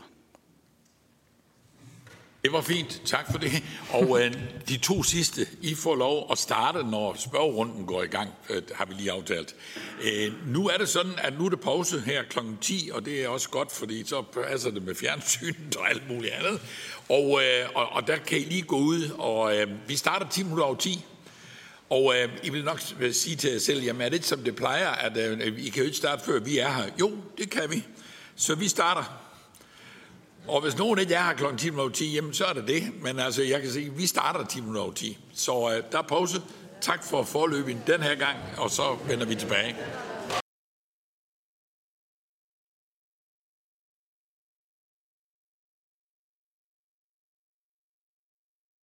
helt sikker på. Så ved I bare, at det er ikke manglende interesse, det er fordi, de skal. Rasmus, klokken er 10.10, 10. ordet er dit. Yes, vi skal nemlig videre med oplæggene nu. Og øh, mit navn er jo som nævnt øh, Rasmus Lund Nielsen, formand for Sundhedsudvalget, og jeg vil lede resten af høringen her. Den næste oplægsholder er Anita Jensen, og vi har tidligere hørt fra Anita. Øh, hun talte jo om rapporten Bedre vilkår for kultur og sundhed, og nu vil hun holde et oplæg om erfaringerne fra Skåne, hvor hun er såkaldt kultur- og helsestrateg. Ordet er dit, Anita. Mange tak. Øh... Og mange tak for invitationen til at deltage i dag. Jeg hedder som sagt Anita Jensen, og jeg arbejder som strateg og forsker på Center for Primær Sundhedsforskning, som er et arbejde mellem øh, Region Skåne og Lunds Universitet. Region Skåne har arbejdet med at udvikle kunst- og kulturområdet i de seneste 20 år, men forskellige politiske prioriteringer har gjort udviklingsprocessen udfordrende, og det er først i de seneste år, at vi ser et politisk momentum for at støtte udviklingen. Vores øh, forskellige interesseområder kan beskrives som følger det politiske øh, perspektiv, forskning, uddannelsesmuligheder og formidling af information om feltet. Region Skånes første strategi for kultur og sundhed blev implementeret i 2015 og løb frem til 2020. I, i, og i evalueringen af den her strategi viste sig at være et behov for et stærkere fundament mere viden, mandat og ressourcer, og vi fandt også, at øh, initiativer ofte var båret af enkeltpersoner og ofte kortsigtede, og der var et behov for mere fokus på forebyggelse og sundhedsfremme, samt flere samarbejder med eksterne partnere. Så med udgangspunkt i disse fund afholdte vi workshops med politikere fra Sundhedsudvalget og fra Kulturudvalget for at skabe mere dialog, øh, understøtte et øh, fællessprog og skabe et kollektivt grundlag for den nye strategi. For bred politisk støtte konsulterede vi også med hospitalsbestyrelser og diverse andre udvalg. Strategien 2022 til 2030 omfatter således fire fokusområder. Det første område er videns- og evidensdrevet kultur- og sundhedsaktiviteter. Kultur- og sundhedsinitiativer, som skal etableres, forankres og finansieres i regionen. Kultur- og sundhedsaktiviteter i bredt tværsektuelt samarbejde. Og det sidste handler om metodeudvikling og at skabe nye kultur- og sundhedspraksiser med diverse interessenter. Og for mere information om strategien kan jeg henvise til linket, som I ser på slidet. Endvidere har vi i øh, den primære sundhedssektor ønsker om, at patienter skal have adgang til kreative aktiviteter, der stimulerer og påvirker positivt. Visionen er at kunne skabe en kultur, hvor kunst og kulturaktiviteter betragtes som en naturlig del af plejen, skabe en bred forståelse for, hvordan deltagelse i kunst- og kulturaktiviteter kan forbedre sundheden ud fra forskellige perspektiver, implementere og understøtte forskningsprojekter – og skabe en platform for tværfagligt samarbejde, både regionalt, nationalt og internationalt. Som eksempler på forskningen fra Skåne fremhæver jeg to eksempler. Øh, først et befolkningsstudie, som undersøgte sammenhængen mellem teater, biografbesøg og kunstudstillinger mod dødelighed som følge af hjertekarsygdomme, kræft og andre årsager, såsom kol, infektioner eller ulykker. Kort sagt viser studiet en sammenhæng mellem deltagelse i kulturelle aktiviteter og lavere dødelighed af hjertekarsygdomme og lavere dødelighed af andre diagnoser. Vi fandt dog ingen sammenhæng for kræftdødeligheden. Resultaterne understøtter, at der er et potentiale for at bruge kulturelle aktiviteter som sygdomsforebyggende og sundhedsfremmende for en bedre folkesundhed. Det andet eksempel er et studie, øh, som undersøgte sundhedsfaglige perspektiver på at henvise patienter til kultur på recept. Og i vores undersøgelse fandt vi blandt andet et behov for mere holistiske tilgange i sundhedsvæsenet til at håndtere mennesker med mentale sundhedsproblematikker. At kultur på recept ansås som gavnligt for patienter i forhold til motivation, rutineopbygning, sociale interaktioner og øget selvværd. Presset på den primære sundhedspleje er enormt, og det anslås, at 15-20 procent af patienter kommer med problemer, der ligger uden for sundhedssektorens ansvarsområde. Vi arbejder i øjeblikket på et forskningsstudie, der undersøger de psykosociale virkninger af deltagelse i kultur på recept, med henblik på at opskalere programmet, så det er tilgængeligt i hele regionen som en sundhedsressource. I samarbejde med Lunds Universitet leverer vi et efteruddannelseskursus om kunst, kultur og æstetik som en ressource i sundheds- og omsorgsarbejdet. Vi har de sidste tre år undervist deltagere fra diverse baggrunde, såsom medicin, sygepleje, kunst, kultur, ergoterapi, socialt arbejde osv. Vores speciallægestuderende modtager på modulet om øh, sygdomsforebyggelse en forelæsning øh, om fordele ved deltagelse i kunst og kultur som sundhedsfremme, mestring af sygdom, behandling og recovery. Når det handler om formidling, kan jeg nævne, at vi for eksempel i 2019 i samarbejde med WHO afholdte et nordisk politisk symposium med øh, formålet at synliggøre og udbrede mere viden om kultur- og sundhedsinitiativer på politisk niveau. Et andet eksempel er, at vi har udarbejdet en flyer for den ældre befolkning med information om sundhedsmæssige fordele ved deltagelse i dansk korsang, museumsbesøg og litteraturaktiviteter. Og flyeren er tilgængelig på alle, hos alle praktiserende læger i regionen. Vi ser jo desværre en stigning i ensomhed blandt ældre, og ensomheden kan føre til alvorlige sygdomme, og det kan være lige så usundt at være ensom som at ryge 15 cigaretter om dagen. Vi har etableret et regionalt netværk for kultur i ældreplejen, hvor fagfolk kan dele viden og information om deres arbejde på plejecenter og i dagtilbud. Vi har et netværk for sundhedsfaglige. Netværket udgør en arena for videns- og idéudvikling, og medlemmerne agerer en videre som ambassadører for kultur og sundhed. Vi understøtter også arbejdet med Nordic Journal of Arts, Culture and Health, som er en akademisk platform for formidling af forskning. Endvidere har vi været med til at etablere Nordisk um, Arts and Health Research Network, som er et netværk for forskere i Norden, der nu har mere end 90 medlemmer. Tak for jeres opmærksomhed. Mange tak for oplægget, og den næste oplægsholder er Marit Stranden, som til daglig leder af det Nationale Center for Kultur, Sundhed og Omsorg i Norge, og hun vil fortælle om erfaringerne derfra. Ordet er dit.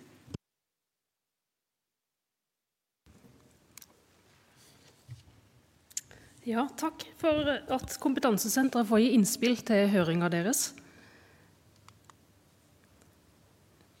Utgangspunktet for senteret vårt var et regionalt prosjektsamarbeid på starten av 2000-tallet for å bruke kulturelle systematiske tiltak for å styrke helsen, samtidig som kulturens opplevelsesverdi ivaretas. Det var et nytt fagfelt. Det ble møtt med skepsis både fra byråkrater, helsepersonell og kunstutøvere. Og det ble jobba politisk for å opprette et nasjonalt senter. Helse- og omsorgsdepartementet satt som en forutsetning at det ble forankra i et tverrfaglig og likeverdig partnerskap. Eh, avtalen ble inngått, og hver partner har et styremedlem i senteret. Vi har Nord universitet, vi har Trøndelag fylkeskommune, Helse Nord-Trøndelag, som er de regionale sykehusene. Vi har Levanger kommune og HUNT forskningssenter på NTNU. Og De har jo blant annet forska på at kulturdeltakelse reduserer risikoen for tidlig død i Trøndelags befolkning. Det tverrfaglige formålet ivaretar samspillet mellom forskning, undervisning og praksisfeltet, og senteret bidrar til metodeutvikling i systematisk bruk av kulturelle virkemidler for helsefeltet. Helsedirektoratet ga målet om å bidra til utvikling og spredning av kulturbaserte tiltak og miljøbehandling som fremmer helse og livskvalitet for å ivareta dette samspillet mellom forskning, utdanning og praksis. Og det er de ansatte i kommunale helse- og omsorgstjenestene som er vår primære målgruppe. Brukerne er den sekundære målgruppa. Og Det har vært viktig at feltet har vært forankra i politiske strategier og planer i Helsedepartementet. Politikerne ønsker metoder og tiltak som kan bidra til å redusere medisinbruk, øke kapasiteten og lette arbeidsbelastninga i sektoren ved å koble feltene kunst og kultur sammen med helse og omsorg. Og En ny offentlig rapport fra i fjor viser jo at det blir mer og mer viktig å jobbe helsefremmende. Vi har ikke nok helsepersonell til å møte utfordringene, så flere aktører må inn og bidra i helsefeltet. Og her kan flere personellgrupper og frivillige bidra med systematiske kulturtiltak. Og Nyere forskning viser jo at det ligger et stort helsefremmende potensial i kulturtiltak. Politiske planer og faglige rammeverk har fokus på folkehelse og livsmestring i et tverrsektorielt perspektiv. Og Kompetansesenteret er også forankret i de politiske planerne på folkehelsefeltet. I den nyeste planen så er senter og metoderne våre nevnt under psykisk helse og livskvalitet, og det å gjøre noe aktivt og meningsfylt sammen. Eh, og Det er koblet sammen med den folkehelsekampanjen som vi hørte om i stad, som dere kjenner godt. ABC for god psykisk helse. Det er nå en nasjonal pilot i Trøndelag, eh, hvor vi skal da øke eh, kompetansen i befolkninga på helse. Modellen passer veldig bra for kulturaktiviteter, som ofte gir en følelse av mestring, fellesskap og inkludering. Og Forskning viser at bare litt kulturaktivitet hver uke har en folkehelseeffekt. Så hvordan bidrar senteret vårt til feltet? Helsedirektoratet har gitt oss måleindikatorer og jeg vil vise noen eksempler på hva vi gjør innenfor de økonomiske rammene som selvfølgelig begrenser oss. I år har vi 3,3 millioner til kompetansesenteret. Og i tillegg så har vi et anbud på 5,3 millioner til et nasjonalt opplæringsprogram. Vi er ca. 4,5 årsverk eh, til sammen. Vi har nå faste administrative stillinger. Vi har undervisningsstillinger. Og så har vi midlertidige gjestestillinger fra forskjellige fagdisipliner ut fra hvilke prosjekt som går. Eh, og vi har nå kompetanse innenfor helse, innenfor folkehelse, innenfor musikk, musikkpedagogikk, teater og dans. Og hovedaktiviteten og fagutvikling, er fagutvikling og undervisning i det nasjonale opplæringsprogrammet vårt, miljøbehandling med integrert bruk av musikk, sang og bevegelse med vekt på personsentrert omsorg. Og dette er metoder, det er milde metoder som alle kan bruke uten musikkutdanning. Vi lærer opp helsearbeidere på arbeidsplassen eller på samlingsbaserte kurs i hvordan de kan bruke kultur systematisk inn i den daglige aktiviteten. De er to dager på kurs med oss, så sender vi dem hjem, begynner å bruke dette. Så kommer de tilbake igjen og har erfaringsdeling, og det har skjedd underverker på en måned. Um, I tillegg har vi høyere utdanning på universitetsnivå. Videreutdanningskursene her de er åpne, så her får vi kultur og helse som møtes og lærer av hverandre. De får forskningsbasert kunnskapsgrunnlag og eksempler på erfaringsbaserte metoder. Så de skriver sine skriftlige oppgaver, men har òg praktiske gruppeeksamener hvor de lærer av hverandre. I tillegg så er vi ute og gir en introduksjon for metoden på sykepleierutdanningene. Vi har til nå utdanna nærmere 7000 personer, og her får dere et lite inntrykk av eh, kursene vi har. Forskning og erfaring viser at metodene gir mer fornøyde ansatte, brukere og pårørende gjennom økt trivsel og lavere sykefravær. Den meningsfulle aktiviteten og innholdet i hverdagen kan stimulere hjerne, kropp og sinn, styrke kommunikasjon og samhandling, dempe angst, uro og utagering ved stell og daglige aktiviteter, redusere unødvendig legemiddelbruk og øke mestring og velvære.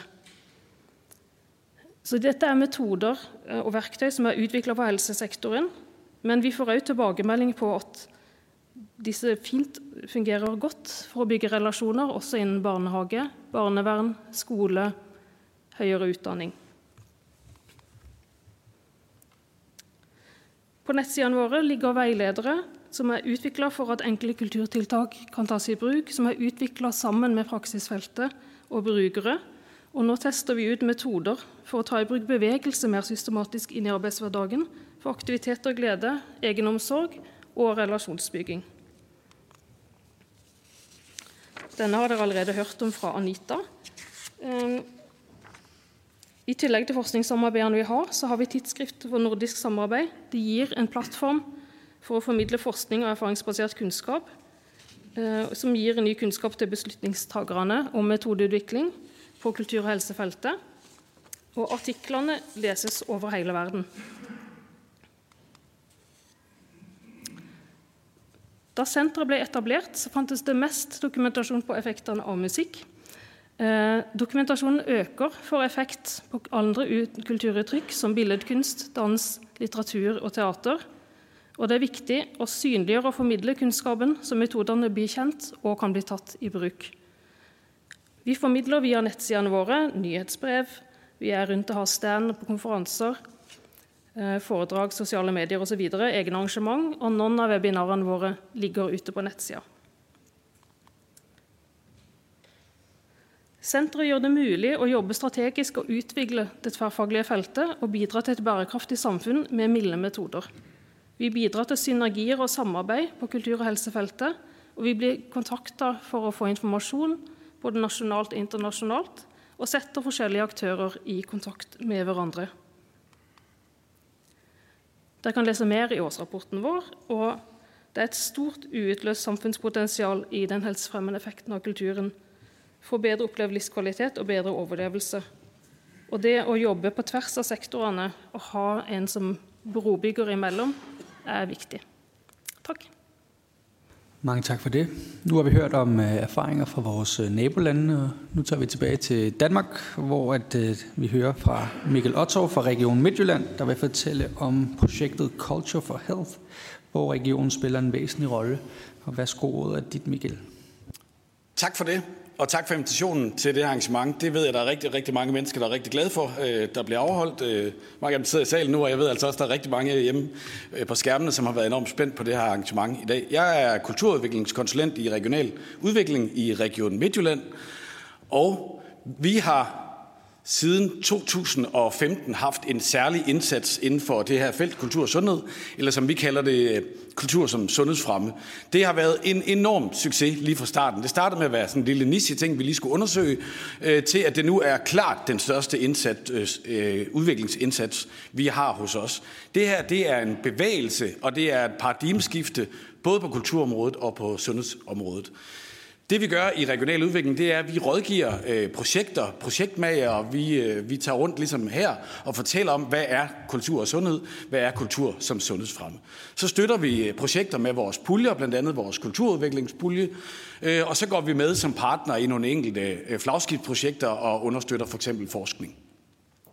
Vi tror på, at den sociale ulighed i sundhed, den hænger sammen med en social ulighed i kultur. Og ved at arbejde med kulturområdet, kan vi gøre noget ved uligheden i sundhed. Vi har fokus på at skabe en stærk infrastruktur, et kulturelt nødberedskab, hvor vi prøver på at implementere de bedste løsninger og skalere konkrete kulturtilbud, som man kan bruge som øh, sundhedsfremme i alle de midtjyske kommuner og vores eget regionale sundhedsvæsen. Da vi startede i 2015, der havde vi med det samme et internationalt udsyn. Vi kiggede ud i verden og, og ledte efter de bedste evidensbaserede koncepter. Det blev til, at vi samarbejdede med Lungeforeningen om at udbrede lungekor til alle de midtjyske kommuner. Vi gik sammen med Læseforeningen om at udbrede guided fælleslæsning, som er en af de allerbedste metoder, hentet fra Liverpool i England. Øh, og vi samarbejdede med Parkinsonforeningen om at udbrede dans med Parkinson, øh, som faktisk er til hele landet. I 2019 der skete der så det, at WHO kom på banen med den her banebrydende rapport. Jeg har nogle stykker med. WHO har selv været her til formiddag og afleveret dem, øh, og hvis udvalget gerne vil have nogen, så kan vi skaffe det. De kom på banen med en rapport om kultur og sundhed, som flyttede feltet enormt meget frem, og som er en base øh, for forskning for det her felt. Vi ringede til dem og spurgte, om vi ikke skulle lancere den her rapport i Danmark. Det ville de rigtig gerne øh, være med til. På samme tid skulle Sundhedsstyrelsen lancere øh, resultaterne fra Kultur på Recept. Så vi blev enige om at afholde en konference i Aarhus. Vi øh, lånte Aarhus Teater, solgte 1000 billetter, og så kom corona. Så i stedet for en konference, så blev det til den digitale platform, der hedder Kultur som Sundhedsfremme.dk, som er vores forsøg på at lave en dansk digital platform for Kultur som Sundhedsfremme-feltet. Det var også på det her tidspunkt, at vi fik et team sundhedsinnovation i regional udvikling, som vi fra Kultur begyndte at samarbejde med, og som især har fokus på at få kultur og sundhed ind på vores hospitaler og ind i psykiatrien i Region Midtjylland. Og jeg skulle hilse for dem og sige, at de oplever en enormt stor glæde fra deres patienter, fra øh, de kulturleverandører, der er, og især fra personalet, som får lov til at arbejde med de her kulturtilbud. I 2021, der øh, begyndte vi at arbejde med det, der hedder Culture for Health, som jeg kommer tilbage til om et øjeblik. Og blandt andet øh, fortsatte vi samarbejdet med WHO om det projekt, der hedder Music and Motherhood, sanggrupper for kvinder med fødselsdepression, hvor at øh, kulturministeren var ude at åbne en konference i FN-byen øh, i efteråret. Culture for Health var en bestillingsopgave fra EU-kommissionen, men tilbød et konsortium 500.000 euro til nogen, som ville kortlægge og udvikle kultur og sundhed i hele Europa. Den opgave vandt vi sammen med WHO og sammen med, sammen med en lang række af kulturelle netværk i Europa, blandt andet dem, der blev projektleder, dem der hedder Culture Action Europe. Det, der startede med, det, det Culture for Health startede med, det var en række ekspertmøder, hvor det første ligger, lå i Aarhus. Og det gjorde det, fordi at vi på europæisk plan er dem, der har flest projekter inden for en relativt afgrænset geografi. Øh, og vi tog øh, de her 80 tilrejsende eksperter fra hele Europa med ud og opleve en række af vores tilbud. Det var blandt andet øh, sange med mødre, sanggrupper til kvinder med fødselsdepression. Det var den gamle bys øh, tilbud til demente, som de samarbejder med en række andre midtjyske museer om. Og så er det øh, levende musik på hospitaler, blandt andet på intensivafdelinger øh, og i dialysen. Vi udkom med en række rapporter, som vi også har taget med i dag, øh, som lidt ligesom WHO-rapporten, det er en slags WHO-rapport 2.0, kortlægger, hvad sker der i Europa på det her felt. Anbefalinger til politikere, anbefalinger, anbefalinger til projektudviklere. Og så lavede vi en platform, den blev lavet her i Danmark, der hedder cultureforhealth.eu, hvor der blandt andet er en søgemaskine inde, hvor man kan søge i 800 forskellige kultur- og sundhedsprojekter fra hele Europa. Man kan finde eksempler på best practice, man kan finde partnere, man kan finde ud af, hvad for en type forskning skal vi bedrive. De politiske anbefalinger, som Culture for Health kom med, de er i de her materialer, men nu gennemgår jeg dem lige. Der er fire stykker. Der skal være økonomisk og politisk opbakning til feltet. Kultur skal være en integreret del af EU's sundhedsstrategier og EU's medlemsnationers sundhedsstrategier, især i forhold til mental sundhed. Så skal der være øgede investeringer i forebyggelse og sundhedsfremme. Ifølge tal fra 2018, der i hvert af EU's medlemslande, der går kun 3% af sundhedsbudgetterne til forebyggelse. Og i den forbindelse, der kan vi se, at de kulturelle aktiviteter er meget økonomisk attraktive. Det er billigt at implementere de kulturelle løsninger. Så skal vi have en øget videns- og forskningsopbygning. Vi skal anerkende, at kulturelle aktiviteter kan komplementere den traditionelle medicinske behandling. Vi skal skabe mere forskning på feltet, men vi skal også anerkende, at der faktisk findes rigtig, rigtig meget ny forskning, især inden for de sidste 20 år, som man kan tage både fra hele verden og her fra Danmark. Så skal vi skabe øh, mere uddannelse på det her felt. Vi arbejder rigtig meget sammen med Aarhus Universitet, med, med VIA, med SOSU-uddannelserne, men der skal også nogle nye uddannelser til, som har særligt til formål at, at mixe det her felt. Det jyske musikkonservatorium har set en enorm tilslutning til deres musik- og sundhedsfag blandt andet. Så skal vi skabe vidensplatforme og infrastruktur, ligesom vi har gjort med Kultur som Sundhedsfrem.dk og den her platform cultureforhealth.eu.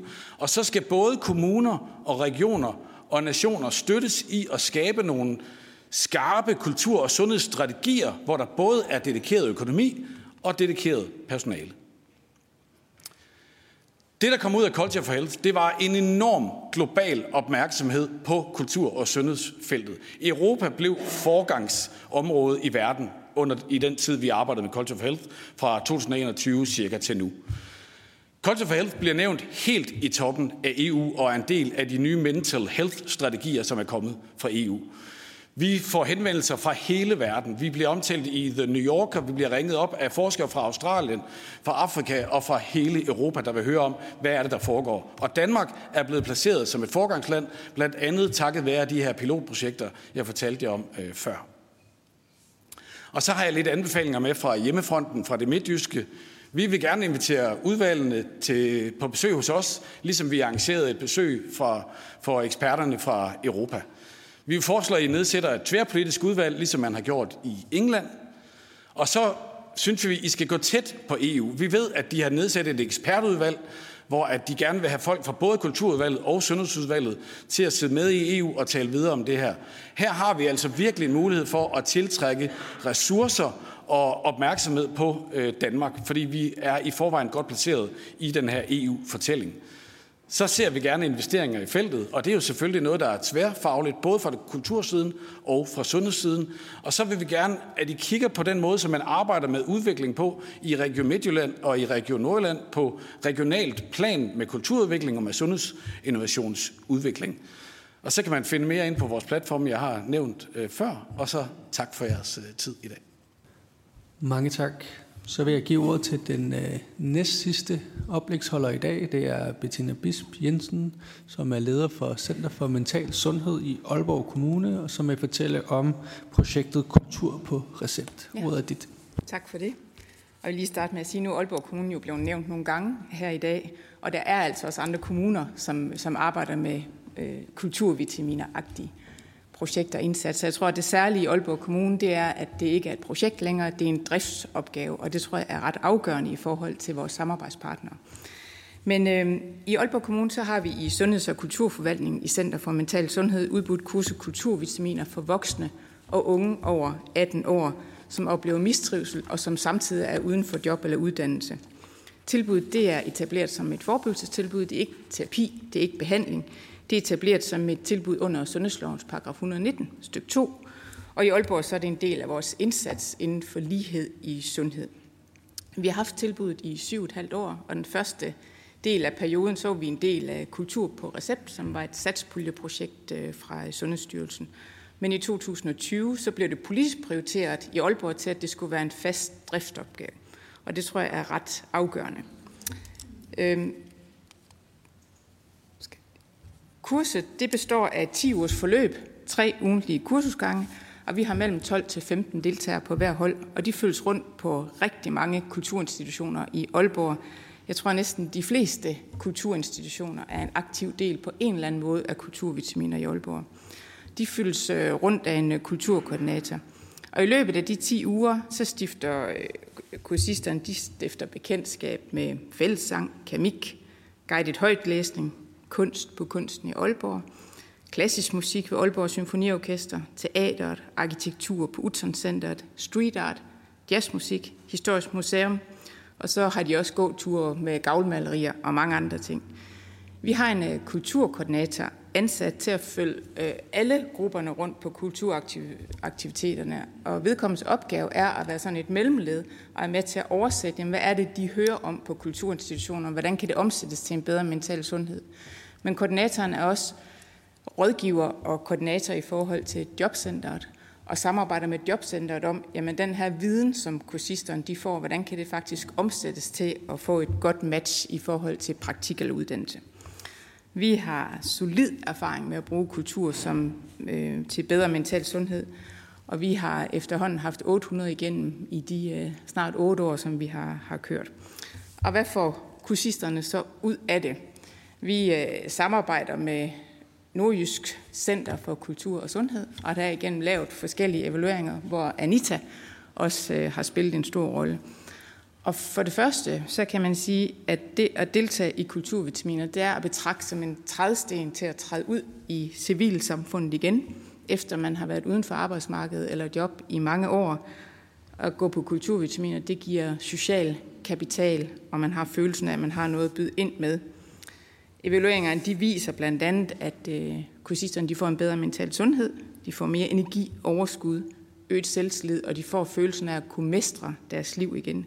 De får noget at stå op til om morgenen, og de føler, at øh, livet giver mening, apropos ABC for mental sundhed.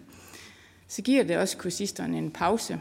De får en kulturel pause, og de oplever, at det her med at gå på kulturvitaminer, det sætter sanserne i gang, og de føler sig inspireret, og de føler glæde ved at deltage. Fra at være et menneske, hvor man har haft en historik med, at øh, man har dårlig mental sundhed, jamen så handler det at gå på kulturvitaminer om at være et menneske, det almene, og øh, med at være et menneske med de op- og nedture, som livets, øh, øh, livet giver en. De oplever også en social forbundethed igennem et fælles møde med, med kunsten og det at deltage sammen med andre. Og man kan jo sige, at det her med fællesskaber og det at føle sig socialt forbundet er jo det, man kan sige er modgiften langt hen ad vejen i forhold til dårlig mental sundhed. Så følger de sig også tættere på arbejde og uddannelse, og de har fået et håb, og de har også fået en fortælling til andre om, hvad er det, de går og bruger deres tid på. Og de får en større forståelse for, hvad kan de egentlig klare i forhold til job og uddannelse, og hvad har de lyst til. Øhm, jeg vil lige sige, i forhold til de unge, der var også et spørgsmål, så nu bruger jeg lige tiden på at svare på det spørgsmål. Meget af det her handler også om at være et præstationsfrit rum, og det tror jeg, det er en afgørende faktor i forhold til, at det her det, øh, det har en betydning også for unge mennesker og unges trivsel. Og hvad koster det? Og hvad er kulturinstitutionernes rolle i det? Altså i bund og grund, så øh, har vi kun fået prioriteret, øh, politisk prioriteret løn til to koordinatorer hos os, som driver mellem, øh, mellem 12 og, øh, og 15 kurser om året. Der er en generel øh, forventning til, at kulturinstitutionerne de deltager inden for den tilskudsramme, som de i forvejen får fra kommunen. Og det gør de rigtig, rigtig godt. De er blevet mega, mega gode til at tage imod øh, de gæster der. Vi har, øh, vi har dog også nogle kulturinstitutioner, som øh, får en bevilling gennem det Obelske Familiefond, som er med til at udvikle et særligt projekt i Aalborg. Øhm, kulturinstitutionerne og kunstnerne, de skal ikke lave noget særligt. De producerer ikke noget særligt kunst eller kultur i forhold til det her. De, øh, de skal bare facilitere, præsentere og formidle det, de nu engang arbejder med, og det, de nu engang har på programmet. De skal ikke gøre noget særligt. De skal ikke vide noget særligt om, at det er borgere i mistrivsel, fordi det her det handler lige præcis om at få en pause fra sin sygdom. Vi oplever, at der er meget stor øh, interesse fra kulturinstitutionerne til at være med, og vi oplever også, at det er meget meningsfuldt for dem at være med, og være med til sammen i et stort fællesskab sammen med andre og løse trivselsudfordringen i, øh, i kommunen. Og så opdager vi også, at øh, det her, og det er jo også det Mikkel siger, at det her det spiller på to politiske dagsordner, både social ulighed i sundhed, men også social ulighed i kultur. Kulturinstitutionerne de får nogle gæster ind på institutionerne, som ellers aldrig vil have sat deres ben på institutionerne. Så jeg har lige sådan nogle korte læringspunkter eller opsamlingspunkter, hvad vi anbefaler for Aalborg Kommune. Øh, først og fremmest så kan man sige, at kunst og kultur er til rådighed i alle kommuner. Og sundhedssektoren og psykologer, de kan klare den her trivselsudfordring alene. Vi ved fra Center for Mental Sundhed i Aalborg Kommune, at uanset hvor mange vi ansætter, så vi får bare flere og flere og flere borgere ind til vores tilbud. Så det er helt oplagt at anvende kunsten og kulturens evne til at påvirke sindet. Og vi har erfaret igennem otte år i Aalborg Kommune, at det er altså en genvej til social rehabilitering. Så synes vi også, det er vigtigt, at der er en koordinator, som er bindeled mellem kulturinstitutionerne og borgerne, fordi på den måde så skal kulturinstitutionen forholde sig til kunsten og kulturen og formidlingsopgaven, og har ikke en masse ekstra opgaver i forhold til logistik osv. Og det sidste der, hvis man etablerer det som et kommunalt sundhedstilbud, så er det også vigtigt at have for øje, hvad er impacten i forhold til de samarbejdspartnere, man har. Hvad er der i det for kulturen? Hvad får kulturen ud af det? Og ikke mindst, hvad får beskæftigelsessektoren ud af det? På den måde så øh, har vi erfaring for, at det giver det absolut bedste samarbejde. Ja. Mange tak for det. Dagens sidste oplægsholder er Cecilie Monrad fra Frederiksberg Museerne. Hun vil fortælle om øh, museets arbejde med at tilbyde sundhedsfremmende aktiviteter. Værsgo, Cecilie, ordet er dit. Tak. Der. Ja, ja, som sagt øh, øh, hedder Cecilie Monrad. Jeg er museumsinspektør for kultur og sundhed ved Frederiksberg Museerne. Og jeg er inviteret med her i dag for at kort at fortælle om vores social- og sundhedsindsatser, som vi har praktiseret igennem mere end 10 år. Øh, historien den starter egentlig på Storm, som er det tidligere Storm P-museum, øh, hvor netop Storm P særlige blik for de ekskluderede i samfundet gav os incitamentet til at sætte den her fortælling i spil på nye måder. Øh, og også for at imødekomme andre målgrupper end dem, som normalt selv finder ind på museet. Øh, vores første indsatser øh, inde i det her felt øh, var henholdsvis et kunstforløb for psykisk sårbare og et relationsopbyggende projekt for ensomme ældre, og jeg skal nok komme øh, tilbage til de to øh, projekter specifikt. I dag så dækker vores social- og sundhedsindsatser hele Frederiksberg-museerne, og de mange gode resultater fra både små og store projekter, som den betydning, de, øh, samt den betydning, de her indsatser har for vores samspil med såvel øh, vores lokalområde, nationalt øh, dækkende og i et større globalt perspektiv – det har så nu udviklet sig til at være en kerneopgave øh, i Frederiksbergmuseerne. Ganske kort for de af jer, som ikke lige ved, hvem Frederiksbergmuseerne er, så består vi af fire besøgssteder. Cisternerne og Møstingshus, som begge udstiller samtidskunst, samt det kulturhistoriske Bakkehuset, øh, som er museum for dansk guldalder, og Storm, der er museum for humor og satire. Så samlet set så repræsenterer vi de fleste kunstarter fra billedkunst og kunstinstallationer til litteratur, scenekunst, musik og sågar også havekultur. Og det betyder, at vi kan dække rigtig mange forskellige interesser, og også rigtig mange forskellige indgangsvinkler i facilitering af trivselsfremmende aktiviteter. Den her slide, der øh, kan I se, hvad det er for nogle målgrupper, øh, som vi har øh, arbejdet med hen over årene. Øh, men det er vigtigt at understrege, at når vi arbejder i det her felt, så er det altid i et tæt samarbejde med sundhedsfaglige målgruppekendere. Partnerskabet betyder virkelig meget. For det er igennem dem, at vi får et vigtigt indblik i den givende målgruppes behov eller udfordringer, sådan så vi kan tilrettelægge vores aktiviteter og forløb efter det. Og det er også gennem de her partnerskaber, at rekrutteringen foregår, sådan så vi sikrer os, at vi fanger den rigtige målgruppe.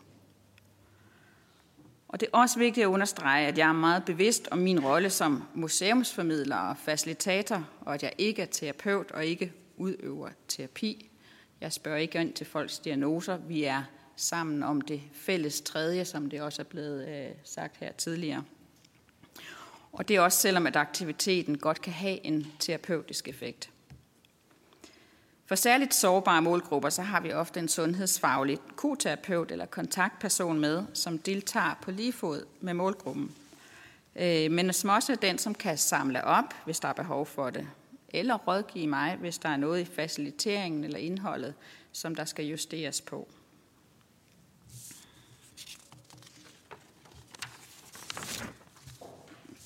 På det sidste slide her, så kan I læse nogle af de her evalueringsudsagn fra deltagere, deltagere øh, og de her de kommer fra henholdsvis øh, øh, deltagere i vores netværksgrupper for ensomme ældre, og også fra unge psykiatribrugere fra vores slow-looking forløb. Øh, evaluering er, af vores trivselsfremmende indsatser er noget, som vi kontinuerligt arbejder på at blive bedre til. I nogle projekter så har vi tilknyttet følgeforskning, og ofte så foretager vores sundhedsfaglige samarbejdspartnere en præ- og post-evaluering, for eksempel trivselsmålinger, spørgeskemaer eller kvalitative interviews. Derudover så har vi også gruppeevalueringer og evalueringer med vores samarbejdspartnere, øh, hvorfra vi så også nogle gange får feedback fra pårørende, for eksempel til demensramte. Et eksempel er en evaluering fra vores netværksgrupper for socialt isolerede øh, ældre, og som er det før nævnte, det som har kørt øh, længst hos os øh, helt tilbage fra 2012. Fordi her fremgik en evaluering, øh, at deltagerne faktisk fortsætter med at mødes privat øh, op til flere år efter et endt forløb inden hos os. Et andet eksempel er det før os først nævnte kunstforløb for psykisk sårbare, øh, som også har fortsat efter et den forløb ind hos os øh, med deres kunstgruppe, og som øh, i dag har dannet deres egen forening og laver udstillinger. Øh, tredje eksempel er vores slow looking projekt for unge psykiatribrugere, hvor de metoder, som øh, øh, deltagerne har øvet sig på igennem, eller arbejdet med gennem et forløb på 15 uger på museet, det øh, vender de øh, tilbage med med ytringer om, at det er nogle øh, metoder, som de kan overføre til øh, komplicerede hverdagssituationer, også selvom at det ikke handler om øh, kunst eller kultur. Så det er meget interessant for os, at selvom kunsten og kulturen er udgangspunktet, så er det også noget, som kan altså, overføres til andre livssituationer. Så det her er samlet set et felt, som Frederiksberg Museerne fortsat udvikler og investerer tid og kræfter i øh, som en del af vores kerneopgave, og altid i øh, gennem partnerskaber. Som et lille ad notam, øh, så i forbindelse med nedlukningen, der tror jeg, at hele verden fik øjnene op på, at det her med at sænke tempoet også havde sin fordel. Øh, og der introducerede vi øh, Flux efterfølgende øh, det, vi kalder for Mindful Museum, et fænomen, som også eksisterer i mange andre øh, udenlandske museer, især i, i England og i USA. Øh, og det er en samling af aktiviteter, som har fokus på netop langsomhed og nærvær og sådan nogle øh, forskellige typer af meditative kunstoplevelser. Og øh, øh, det har vi introduceret, fordi at øh, man ikke behøver at være en specifik del af en specifik målgruppe eller en del af et forløb for at kunne øh, prøve kræfter med den her type øh, kunst- og kulturformidling. Det er offentlige aktiviteter, og øh, nu har jeg gjort opmærksom på det, og så håber jeg, at I tjekker vores kalender, og I, er i hvert fald inviteret til at prøve kræfter med det. Tak for. Mm. Det var dagens oplæg. Tak til alle for rigtig gode og perspektivrige oplæg. Nu vil vi bruge resten af tiden frem mod afslutningen på spørgsmål og debat. Og øh, jeg har et par stykker på talelisten øh, blandt øh, politikerne her, men hvis der skulle sidde nogen blandt publikum med et spørgsmål, så er I også meget velkomne til at markere. Jeg kan ikke love, at alle kommer til ord, men jeg vil henstille til, at både spørgsmål og svar holdes kort og præcise, så vi kan nå så mange spørgsmål som muligt. Og der var en, der markerede, men jeg tænker, at vi lige starter med Birgitte Vind fra Socialdemokratiet. Tak for det. Tusind tak for, for alle jeres oplæg. Det har været vanvittigt inspirerende, meget, meget, meget spændende. Man bliver sådan helt, oh, kunne man lige få en time alene med jer hver især? Det kunne være rigtig dejligt. Nå, men det har vi ikke nu. Øhm, til dagligt der er jeg blandt andet formand for det tværpolitiske netværk mod ensomhed øh, her i Folketinget. Det er jo sådan, at vi fik den nationale strategi mod ensomhed sidste år eller i år. Jeg kan snakke huske, tiden går stærkt. At det er jo i hvert fald ikke i 24, men øh, det er også lige meget. Øh, det har jo været øh, et maratonløb, øh, og det har jo i høj grad været de civile samfundsinstitutioner, der har stået bag den. Øh, og jeg tror, det stod også meget tydeligt ret hurtigt, at øh, i arbejdet med den, men også undervejs, øh, når vi sådan har talt med de forskellige øh, civile samfundsorganisationer, at der er nogle grupper, der lige meget hvad vi næsten gør, er sværere at nå end andre. Og, øhm, og noget af det, jeg sådan, synes, vi, vi stadigvæk, og der er nogle af jer, der har været inde på det, blandt andet Midtjylland, omkring, øh, øh, ja, det kunne være, det kunne være altså social ulighed, sundhed, der ved vi jo blandt andet, at mænd er, er nogle af dem, der stadigvæk har den højeste selvmordsrate, der er sværest ved at komme til læge, som har sværest ved at komme ud af starthullerne, og ikke rigtig mener, at det der med fællesskaber er noget for dem. Øh, så er jeg også lidt optaget af etniske minoritetsgrupper, eller danskere med anden etnisk baggrund end dansk, øh, som min personlige erfaring er fra mit eget arbejde i kulturlivet nogle år, at, at det kan være svært at trække dem øh, ind i kulturtilbudene. Så ja, der er jo rigtig mange ting, vi kunne, vi kunne tale om, og jeg synes, det er meget spændende, men, men noget af det, jeg godt kunne tænke mig at høre, blandt andet erfaringerne fra, fra Skåne og fra Norge, men selvfølgelig også, hvis der sidder nogen med nogen her fra, fra de danske projekter, hvad er jeres erfaringer med, med netop de her øh, grupper, og, øh, og få dem, øh, få, få fat i dem og få hånd om dem.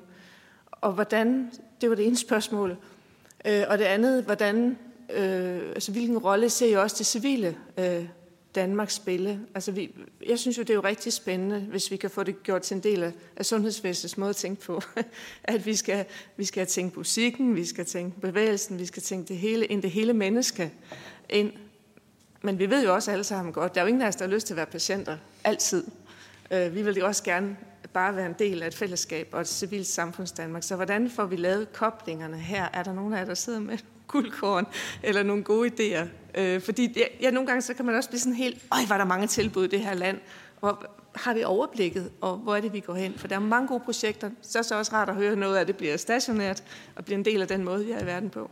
Øh, for man kan sige, at det her det er jo også en måde at være i verden på. Det er måske lige så meget en livsform, øh, at vi kunne få det her med hinanden i det her land. Nå, det var mange, måske også lidt store spørgsmål. Tak. Ja, og jeg henstillede jo til korte og præcise spørgsmål, men, men det er dejligt at mærke dit engagement, Birgitte. Øh, jeg skal så også sige, at vi har lidt mere tid til den her del af den åbne debat, end den vi havde inden pausen, så, øh, så vi når det forhåbentlig nok. Og nu er det, øh, jeg tænker, vi tager to af gangen, så nu er det Mogens Jensen fra Socialdemokratiet. Ja, mange tak for det, og nu kom der jo så endnu flere konkrete eksempler på det, der sker, det, og det er jo det, der er så inspirerende at, at høre om. Øh, jeg vil dog lige tage fat i et spørgsmål, jeg også stillede i første runde, nemlig det her med øh, øh, effekt og øh, evidens, altså øh, som jo, jeg tror helt naturligt, er omdrejningspunktet for, om vi får mere investeringer øh, på det her område, og sundhedssektoren i sig selv ligesom også siger, okay, det her, øh, det er et indsatsområde, som vi må se på på, øh, på, på samme måde som alle andre øh, øh, øh former for medicin eller behandling osv. Øhm, så jeg, jeg tænker alligevel stadigvæk, at jeg tror, det er jo, det er jo, det er jo i jeres øh, rapport, du ligesom har det her ønske om en standardiseret måling af effekt. Og vi, altså, hvordan tænker I det organiseret? Hvad skal der til for, at vi, øh, at vi, øh, at vi får det øh, etableret?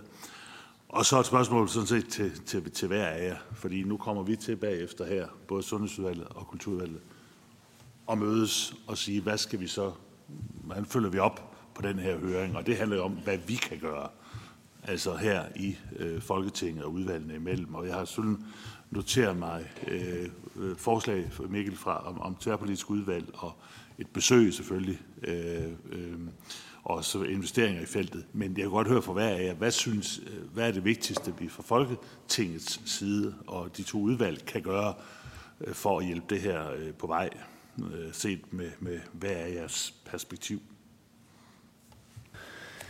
Super godt. Øhm, og ja, så tænker jeg i virkeligheden, at vi øh, næsten bare kan tage fra en anden af. Øh, fordi der var jo sådan set et spørgsmål til alle sammen. Øh, og det er sådan set lidt op til jer, om I vil starte med at besvare Mogens eller Begitte. Men øh, skal vi ikke bare starte med at høre, Anita, dine reaktioner på de her spørgsmål her? Jo, tak. Altså, jeg vil gerne lige gå tilbage til nogle af de spørgsmål, vi havde inden pausen også, øh, i forhold til kulturpasset, for eksempel til unge. Øh, det vi sådan ser i forhold til de her forskellige øh, muligheder og invitationer ind i kulturlivet, det er, at, øh, at det skal være nogle processer, som er, og det er lige meget om det er unge, eller det er ældre, eller hvilken borgergruppe det er, at, at processerne, det er vigtigt, de er faciliteret, at der findes et menneske, som, som kan være med til at skabe tryghed i de her grupper. Det er ofte sårbare mennesker, vi har med at gøre. Øh, så det der med at bare måske give et kulturpas, og at man har gratis adgang til noget, øh, det rækker måske ikke helt. Øh, det er vigtigt, at, at der er øh, noget som også øh, noget mere inviterende og noget som er med til at skabe de her fællesskaber, som jo er det, øh, som kan være med til at opbygge eller i hvert fald at, at styrke trivselen hos, hos os. Øh, Øhm, I forhold til sådan kurser og uddannelsestilbud, øh, jeg talte lidt om etik og, og, øh, og så videre, øh, der, der øh, ved vi jo ikke altid, hvad folk har med i bagagen, når de kommer ind øh, i de her øh, sammenhæng. Og, øh, og så handler det jo egentlig allermest om, hvordan håndterer man situationen, hvis der opstår noget. Det handler om, at øh, kulturaktøren måske ikke behøves at være klædt på til det, men at der findes en anden person, som kan gøre det. At når vi arbejder i det her tværfaglige felt, at vi også sikrer os, at, at sundhedsaktøren kommer med, med de kundskaber, sundhedsaktøren nu har, og at kulturaktørerne gør det, de er gode til, og det er at facilitere en æstetisk proces eller, eller noget andet. Øh, så det ikke bliver sådan ligesom, at nu skal vi også have forskellige fagligheder og forskellige hatte på. Det er jo fint nok, at man sådan tænker, at man ved lidt om mental sundhed, hvis man er kulturaktør, og man har inviteret nogle, øh, en sårbar gruppe ind på institutionen. Så det er jo altid en grundlæggende øh, ting at have med sig. Øh, vi ser, så vil jeg gerne svare på dit spørgsmål, med, vi ser jo øh, generelt i de her øh, kultur på recept, øh, hvad hedder det, projekter, at det er 85 procent kvinder, for eksempel. I Region Skåne, der har vi, øh, der er det den praktiserende læge, der henviser til de her, øh, øh hvad hedder det, øh, til, til programmet, og vi har meget øh, samarbejde med de praktiserende læger, fordi vi mener, det er dem, der først møder patienten. Øh, jeg ved godt, der er nogen, som lægen heller ikke møder. Hvordan vi når ud til dem, det er meget problematisk, og det er stadigvæk noget, vi arbejder på. Og øh, i forhold til folk, at der, vi har også problemer med, eller det kan være problematisk at nå ud til folk, der ikke øh, taler svensk på et niveau, øh, hvor, eller på et øh, niveau, hvor de har brug for en tolk, for det har vi ikke altid ressourcer til. Og så der er nogle ting, man skal, vi skal have indarbejdet, hvis de her tilbud skal, skal, skal tilbydes som, som kerne, en kerneydelse i regionen. Øh, ja, det tror jeg egentlig var alt, jeg vil sige nu. Så jeg giver til Birgit. Ja, jamen, øh, jeg vil egentlig gerne øh, prøve at svare på spørgsmålet omkring øh, forskellige former for vidensindsamling. Øhm, og øh, hele feltet, altså øh, kultursundhed, er jo et interdisciplinært felt, og der er det her møde mellem forskellige former for viden, hvad viden er, der er evidenshierarkiet, og, øh, og der er de humanistiske metoder, de sociologiske metoder, og der bliver talt meget om, sådan, at det, det hele skal mødes på midten. Det, det tror jeg faktisk ikke på. Jeg tror, det er vigtigt at anerkende, at der er nogle fagligheder og nogle eksperter, som skal have lov til at arbejde monofagligt. Men hele udviklingen af nye evalueringsmetoder kræver, at vi mixer metoder. Og derfor er det meget dejligt med Kulturens Analyseinstitut. Jeg tænker, det er helt oplagt med et samarbejde, at man egentlig kan evaluere på alle niveauer.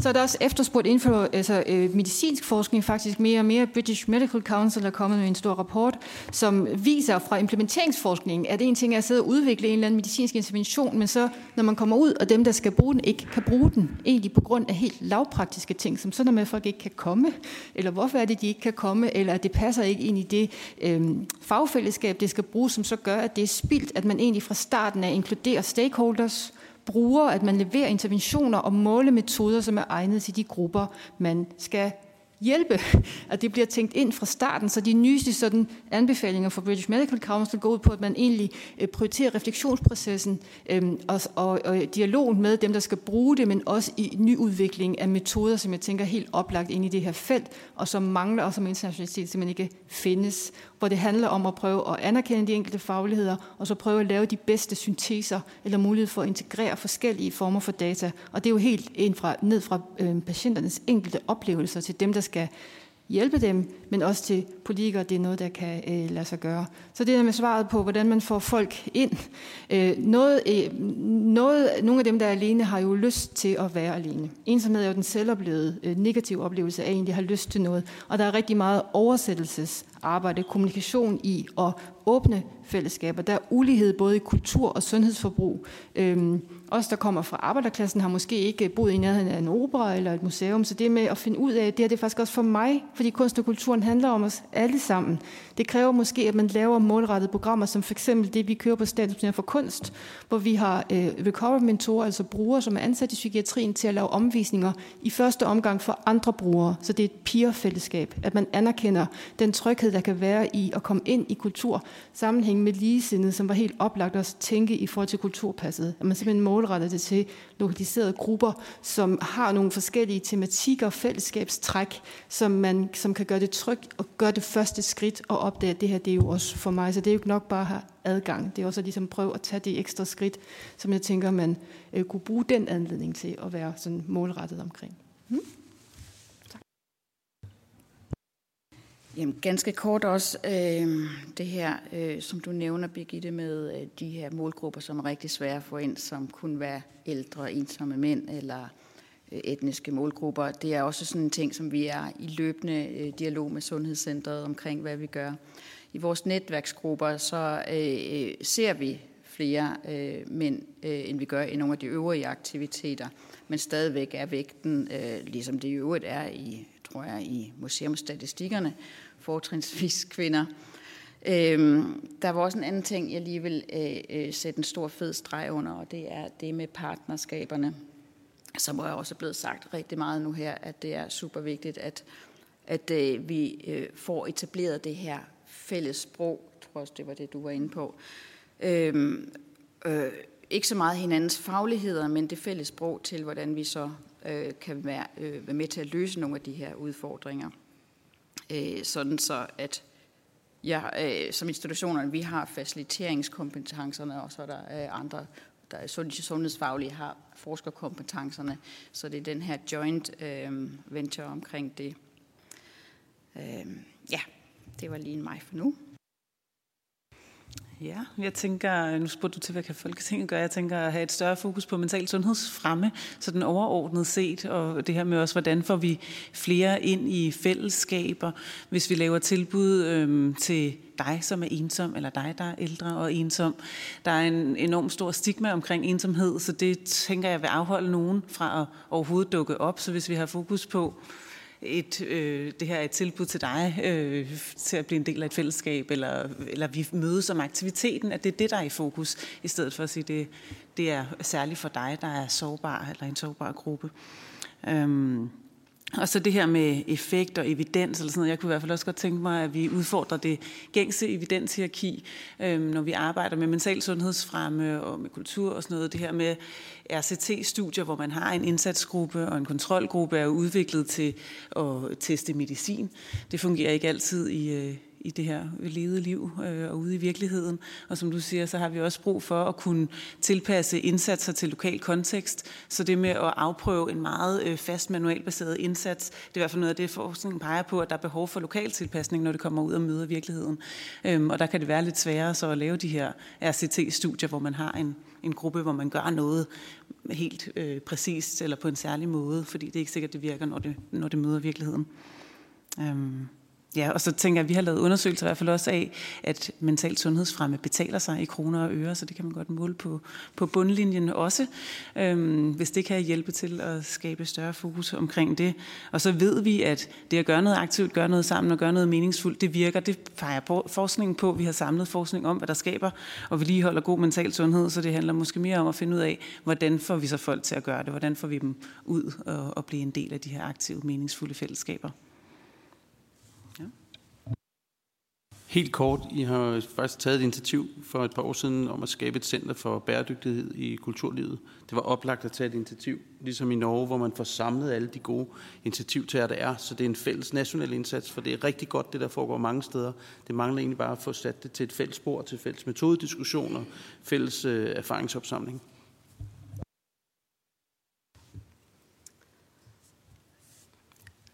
Innenfor kultur og helse så er det utrolig mange piloter og prosjekter og veldig mye krav om eh, forskningsevidens. Og så har du sånn som Aalborg, som har fått det til å gå over i drift, og det virker. Um, har vi et overblikk?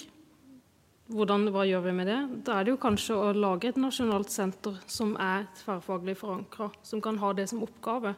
Lag noen som har det oppgave å ha overblikket. Mm. Det var snakka om tidligere her det med mistrivsel og unge. Altså, du har et veldig fint forskningsbasert program som nå løper i Sverige og brer seg rundt med Dans for mestring. Eh, som var for unge jenter med, med psykiske utfordringer. Altså, det å lage tiltak for, med fokus på mestring, det virker jo. Og så vil noen, noen vil dans, noen vil musikk, noen vil teater. Det, vi er forskjellige, så vi har ikke én pakke som vil virke på alle. Eh, våre metoder ble utvikla spesielt for eldre med demens og parkinson, som var eh, nevnt som gruppe her tidligere. Men så ser vi jo at disse metodene fungerer like bra for å etablere en god relasjon før du starter samtalen på barnevernskontoret. Så, så det, det, virker veldig generelt. Eh, så hva er det viktigste Folketinget kan gjøre? Det er jo kanskje å sette det på politisk agenda ser gjerne til England for den tverrpolitiske planen som fins. Eh, så nevnte jeg i pausen her at Norges regjerings folkehelseplan vil begynne å måle livskvalitet for å ha kunnskapsgrunnlaget for å legge også kultur inn i lovverket. Og de ønsker et nordisk samarbeid om dette. Der vet ikke jeg status, men jeg tenker det å få et nordisk fokus på dette, det tenker jeg ville være veldig nyttig. Og I forhold til etniske minoriteter så så dere kanskje det på bildene når vi er ute og kurser. De som står i helse- og omsorgsyrkene i dag, der har vi veldig mange av de etniske minoritetene. Og de omfavner metodene her veldig. Fordi, og de bruker det inn mot dementet. Du, den der sangen Jeg kan jo ikke teksten, jeg kan jo ikke språket. Og så bruker de det som en styrke for å få i gang dialog og få frem ting. Så det ja. Hvad kan man gøre fra nationalt hold? Øhm, kultur og sundhed er et samfundsmæssigt sammenskudskilde. Der er, er alle mulige forskellige sektorer og aktører, som skal putte i puljen øh, for at det skal lykkes. Og der sidder der bare rigtig mange ledere rundt omkring i alle mulige forskellige jobs, som har brug for noget, noget tryghed og nogen at se op til og sige, det her det må vi faktisk godt begynde at arbejde på den her måde, som ikke er normalt den måde, vi har drevet museum eller kulturinstitution eller hospital på. Øh, og der sidder også rigtig mange ansatte, som overhovedet skal ture og stille spørgsmålet opad til lederen, om må jeg godt begynde at arbejde på den måde, som ikke tør stille spørgsmål, fordi man regner med, at så vil man blive latterliggjort, eller det vil være noget fjollet noget at begynde at tænke i de baner. Øhm, vi har brug for noget legitimitet, og så har vi brug for nogle, nogle rammer, øh, noget, nogle strategier, som man kan lade sig inspirere af. Øh, samtlige kommuner i landet, samtlige kulturaftaler har kultur og sundhed på, på plakaten. Øh, KL's øh, Kultur- og fritidskonference sidste år var jeg med. Øh, for første gang var Kultur og Sundhed på, og jeg lavede mig fortælle, at, at der var så mange til det oplæg, eller til den seance, at de blev nødt til at tage det på igen øh, til den, der kommer her næste gang. Det er virkelig noget, der fylder det her. Øhm, jeg, jeg tænker tit på de her gamle opsreklamer, som var der dengang jeg voksede op, hvor man lærte noget om, hvordan man opfører sig sundt, for eksempel. Og vi ved godt, at man ikke skal ryge og drikke, og, og man skal få noget frisk luft og, og løbe lange ture. Vi skal også have fortalt vores børn og unge, at det også er sundt at læse, og det er sundt at synge, og det er sundt at øve sig i at spille guitar. Det er sundt at være aktiv, ikke kun fysisk, men det er sundt at være aktiv op i, op i hjernen. Øh, og det er der bare rigtig mange, der ikke er. Øh, blandt andet fordi vi arbejder enormt meget på skærme, og fordi vi er meget på skærme, og ikke træner at være sammen med mennesker. Der er rigtig meget menneske til menneske, social interaktion, træning, som vi har brug for som samfund at investere i, at folk gør noget mere. Jamen, jeg tror, jeg vil tage teten op for dig, Mikkel, og tale om det her med, med legitimitet, fordi nu kan man sige, at Aalborg Kommune, vi er jo sådan et mini-laboratorium, hvor vi har en fælles ledelse, og vi har også et fælles politisk udvalg, og der er også fælles økonomi, og alligevel har det også taget, taget mange år til, at vi er nået, hvor vi er i dag. Øhm, men erfaringerne fra kultur på recept, øh, satspuljen i sin tid, det var faktisk, at øh, vi eftersøgt, at beskæftigelsesområdet de var tættere på. Så jeg tænker, det er ikke kun nok at have kultur og sundhed, det er også vigtigt at have beskæftigelsessektoren med, fordi at de er en vigtig samarbejdspartner i forhold til at, at kan, kan henvise borgerne og kan bruge det, bruge det aktivt. Så det synes jeg er en vigtig pointe i det her. Øhm, så øh, talte du omkring det her med, med civilsamfundet, og i Aalborg Kommune, det at gå på kulturvitaminer er et jump ud i civilsamfundet igen, fordi kulturinstitutionerne, de laver efterværn, de laver praktikpladser, de laver, laver endda jobs nogle gange, og de laver frivilligt arbejde, og de laver særlige øh, korhold, de laver særlige kemikhold, og de laver særlige ordninger til, at man kan komme i teater og komme på, på kunsten. Så, øh, så vi betragter det faktisk som en, en vej til at komme ud i civilsamfundet igen. Men der er lige brug for den der hjælp igennem gruppens vej til at komme, komme i civilsamfundet igen. Mange tak. Og øhm, vi har nogen... Åh, oh, beklager. Peter, du sidder derovre. Du får også lov til at byde ind. Ja, jeg er sat ud på side, sidelinjen her. Øh, jamen, jeg vil egentlig starte med at øh, hvad hedder det, svare på Moses øh, allerførste spørgsmål, tages det alvorligt. Og øh, selvom vi alle sammen kan tage det alvorligt herinde, så må vi også erkende, at der er en vis skepsis i øh, sundhedssystemet. Og øh, jeg er også helt med på, at, øh, at der er mange forskellige måder, vi kan måle på, og der er også ting, der ikke er så målbare. Jeg tror nu alligevel, at der er en seriøs mangel på gode ACT-studier, som er store. Altså, jeg har, øh, det var min phd student der lavede det der lungekursprojekt, og det var vanvittigt besværligt, fordi det krævede, at vi skulle arbejde over regionsgrænserne, fordi der er simpelthen ikke patienter nok inden for en region. Så der er i hvert fald noget, man kunne tage fat på og se, om man kunne gøre det nemmere at lave nogle større projekter. Og det er selvfølgelig også, jeg vil så sige, det var meget, øh, vi havde 5 millioner ud over i ekstra funding, ud over det phd projekt der var til det. Det var simpelthen nødvendigt for, at det kunne lade sig gøre. Så det er ikke nemt at lave den her form for evidens. Og øh, problemet er lidt, at der er utrolig mange små studier, og der er forskel, forskel på de procedurer, man bruger inden for de studier. Så jeg vil altså gå en lille smule imod at sige, at hvis man kan lave det ensartet, og lave nogle store studier, så er det det, vi har brug for for at overbevise omverdenen. Så vil jeg lige ganske kort svare på de to spørgsmål, jeg blev stillet. Øh, præcis det ene var i forhold til smerte. Er, øh, spørgsmålet var, øh, som jeg husker det, er der ud over øh, hvad hedder det, det, at man kan måle, at folk de, øh, føler smerte mindre, er der, er der så øh, ting, for eksempel i hjernen, der er anderledes, og der kan jeg svare, at det er der. Det ændrer på øh, de netværk, der har med smertehåndtering at gøre, hvis man for eksempel øh, lytter til musik, i modsætning til, hvis man er i en kontrolsituation, hvor man lytter til noget øh, randomiseret støj. Øhm, det, der er svært for os i den forbindelse, jeg skal gøre det meget kort, øh, det, der er svært for os, det er at sige, hvad det er for nogle neurotransmitter, der, der er hvad hedder det, i, i brug. For vi har prøvet at blokere både endorfiner, hvilket vil være det første bud, og det næste vil være øh, øh, dopamin. Vi har blokeret de ting, og det ændrer ikke på de målinger, der er. Så det er sandsynligvis noget på et mere kognitivt plan. Det andet spørgsmål, jeg skal nok være hurtig, øh, det andet spørgsmål, øh, som jeg blev stillet, var i forhold til ældreområdet og Alzheimer. Der foregår en hel masse forskellige tiltag på det område. Der er faktisk et stort finsk øh, center i øjeblikket, der har fået penge til det.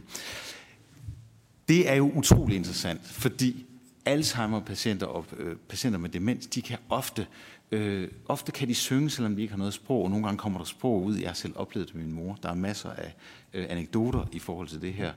Øh, og, og det vi ved fra forskning, det er, at de områder, der forsvinder, det er jo, altså Alzheimer's øh, er jo en form for skrumpe, at hjernen skrumper udefra.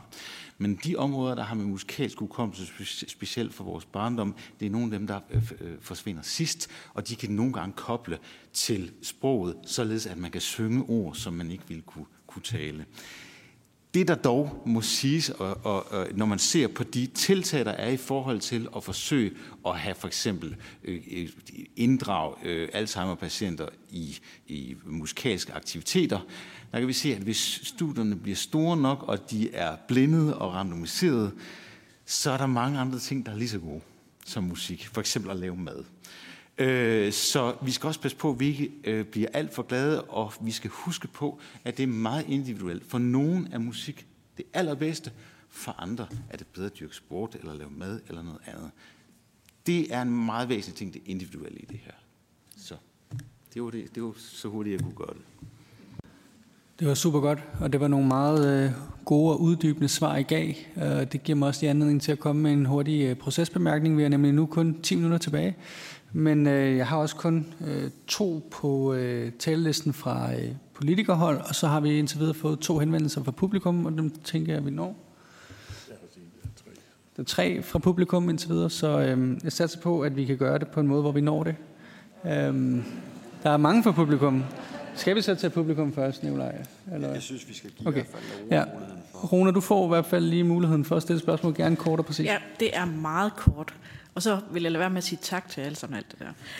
Øhm, det er i forhold til musikterapi. Øhm, I alle de år, inden jeg kom her, hvor jeg var socialrådgiver, der oplevede jeg, at øh, når jeg mødte borgere, der havde været i enten øh, lukket eller åben regi, øh, så det de fremhævede, og det de har fået mest ud af, ud over den medicinske behandling, var musikterapien, og det ved jeg jo, at man har gjort i Aalborg i, i mange år, men så vil jeg høre dig, Birgit, måske du kunne svare på, om sådan på landsplan, hvor anerkendt er det ude i psykiatrien, at musikterapien øh, har en virkning, og, og hvor, hvor, hvor kan man øh, stadig få tilbuddet?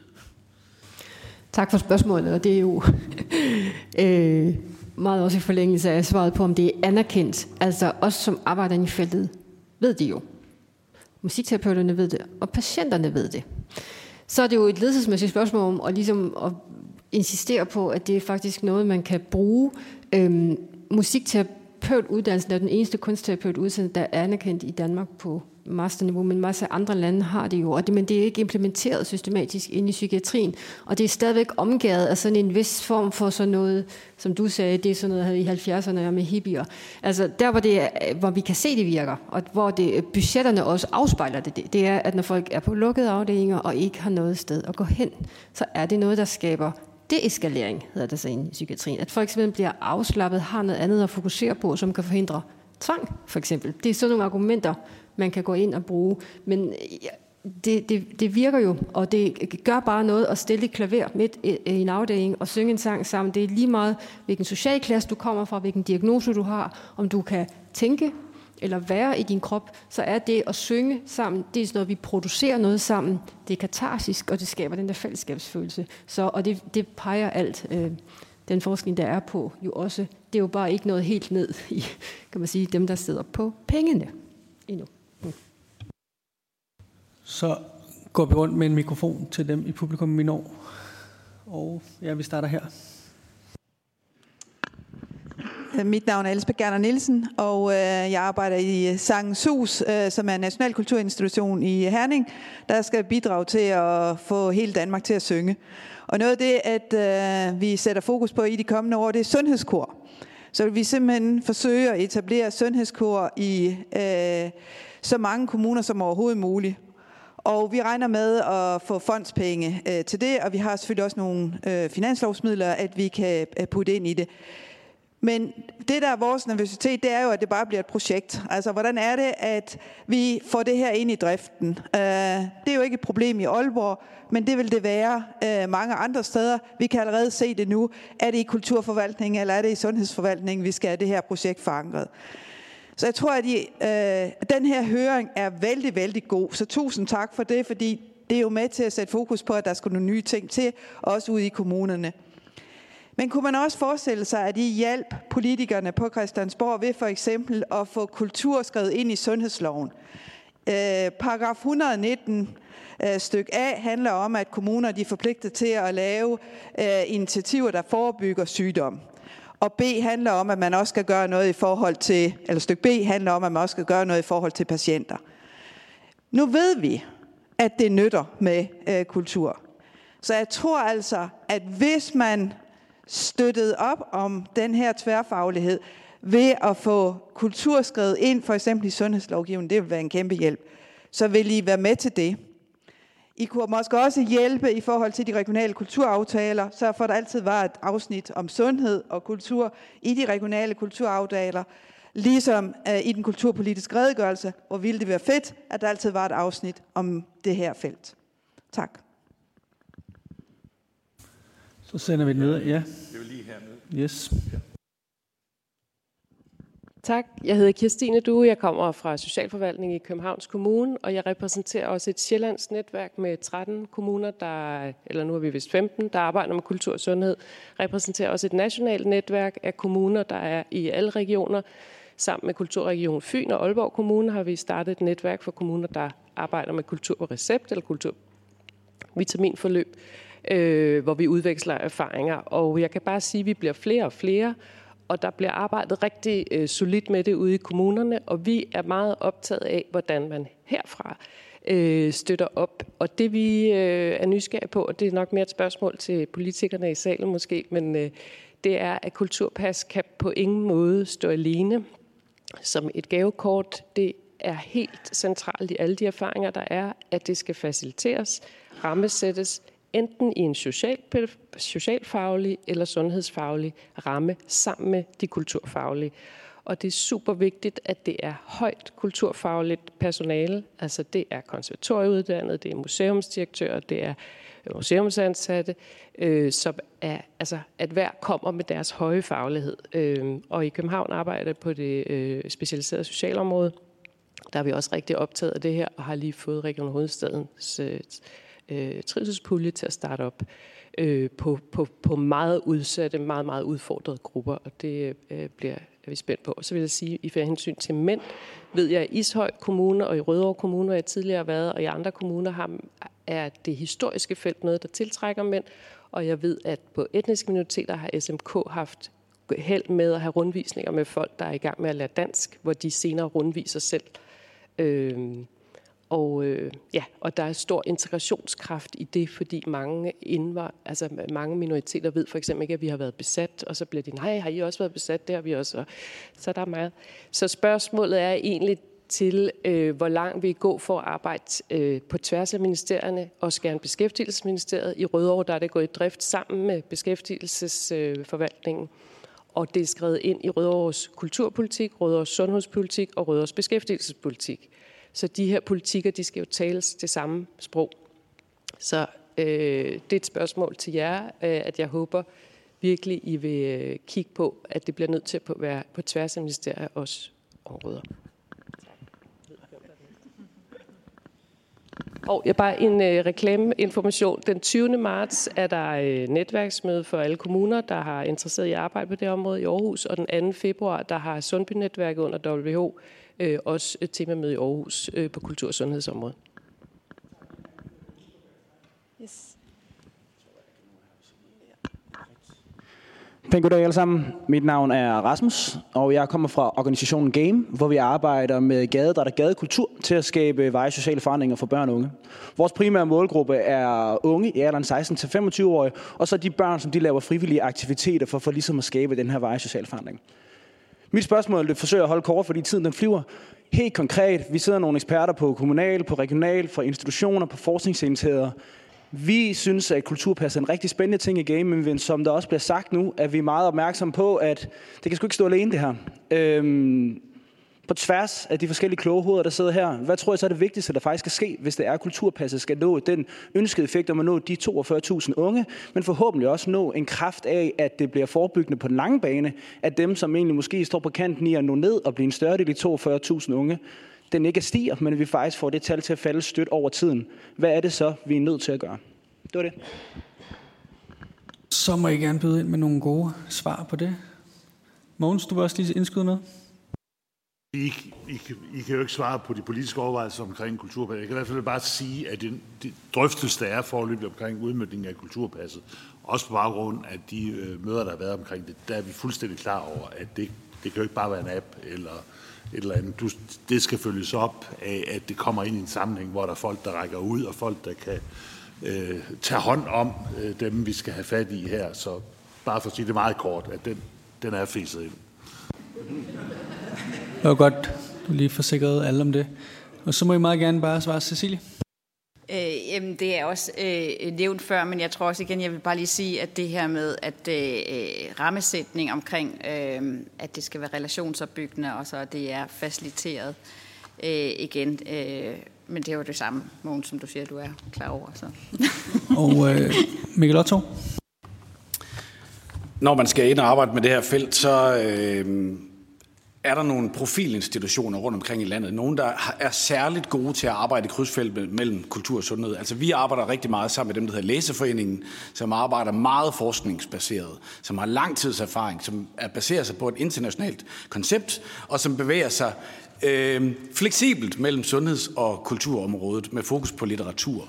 Og den type af aktører vil jeg foreslå, at man bringer på banen, når man skal ind og snakke om, hvordan gør man i praksis. Der sidder også nogen fra hospitalsklovene øh, og andre. Der er sådan nogen, øh, og det er jo nyt, det er jo stadigvæk meget, meget ungt felt her i landet, så der findes ikke enormt mange af de der institutioner. Der findes nogle få, og dem skal man tage med på råd. Så er vi nået ved vejs ende. Det har været en virkelig, virkelig spændende dag med nogle virkelig gode og perspektivrige oplæg og spørgsmål og svar. Så tusind tak til alle, fordi I kom, og til tilhørende og dem, der så med på øh, fjernsynet. Og øh, som en tak til oplægsholderne har vi faktisk også en lille gave, som jeg vil overrække til lige om lidt. Men øh, ellers vil jeg bare sige tusind tak for i dag, og hermed er høringen slut.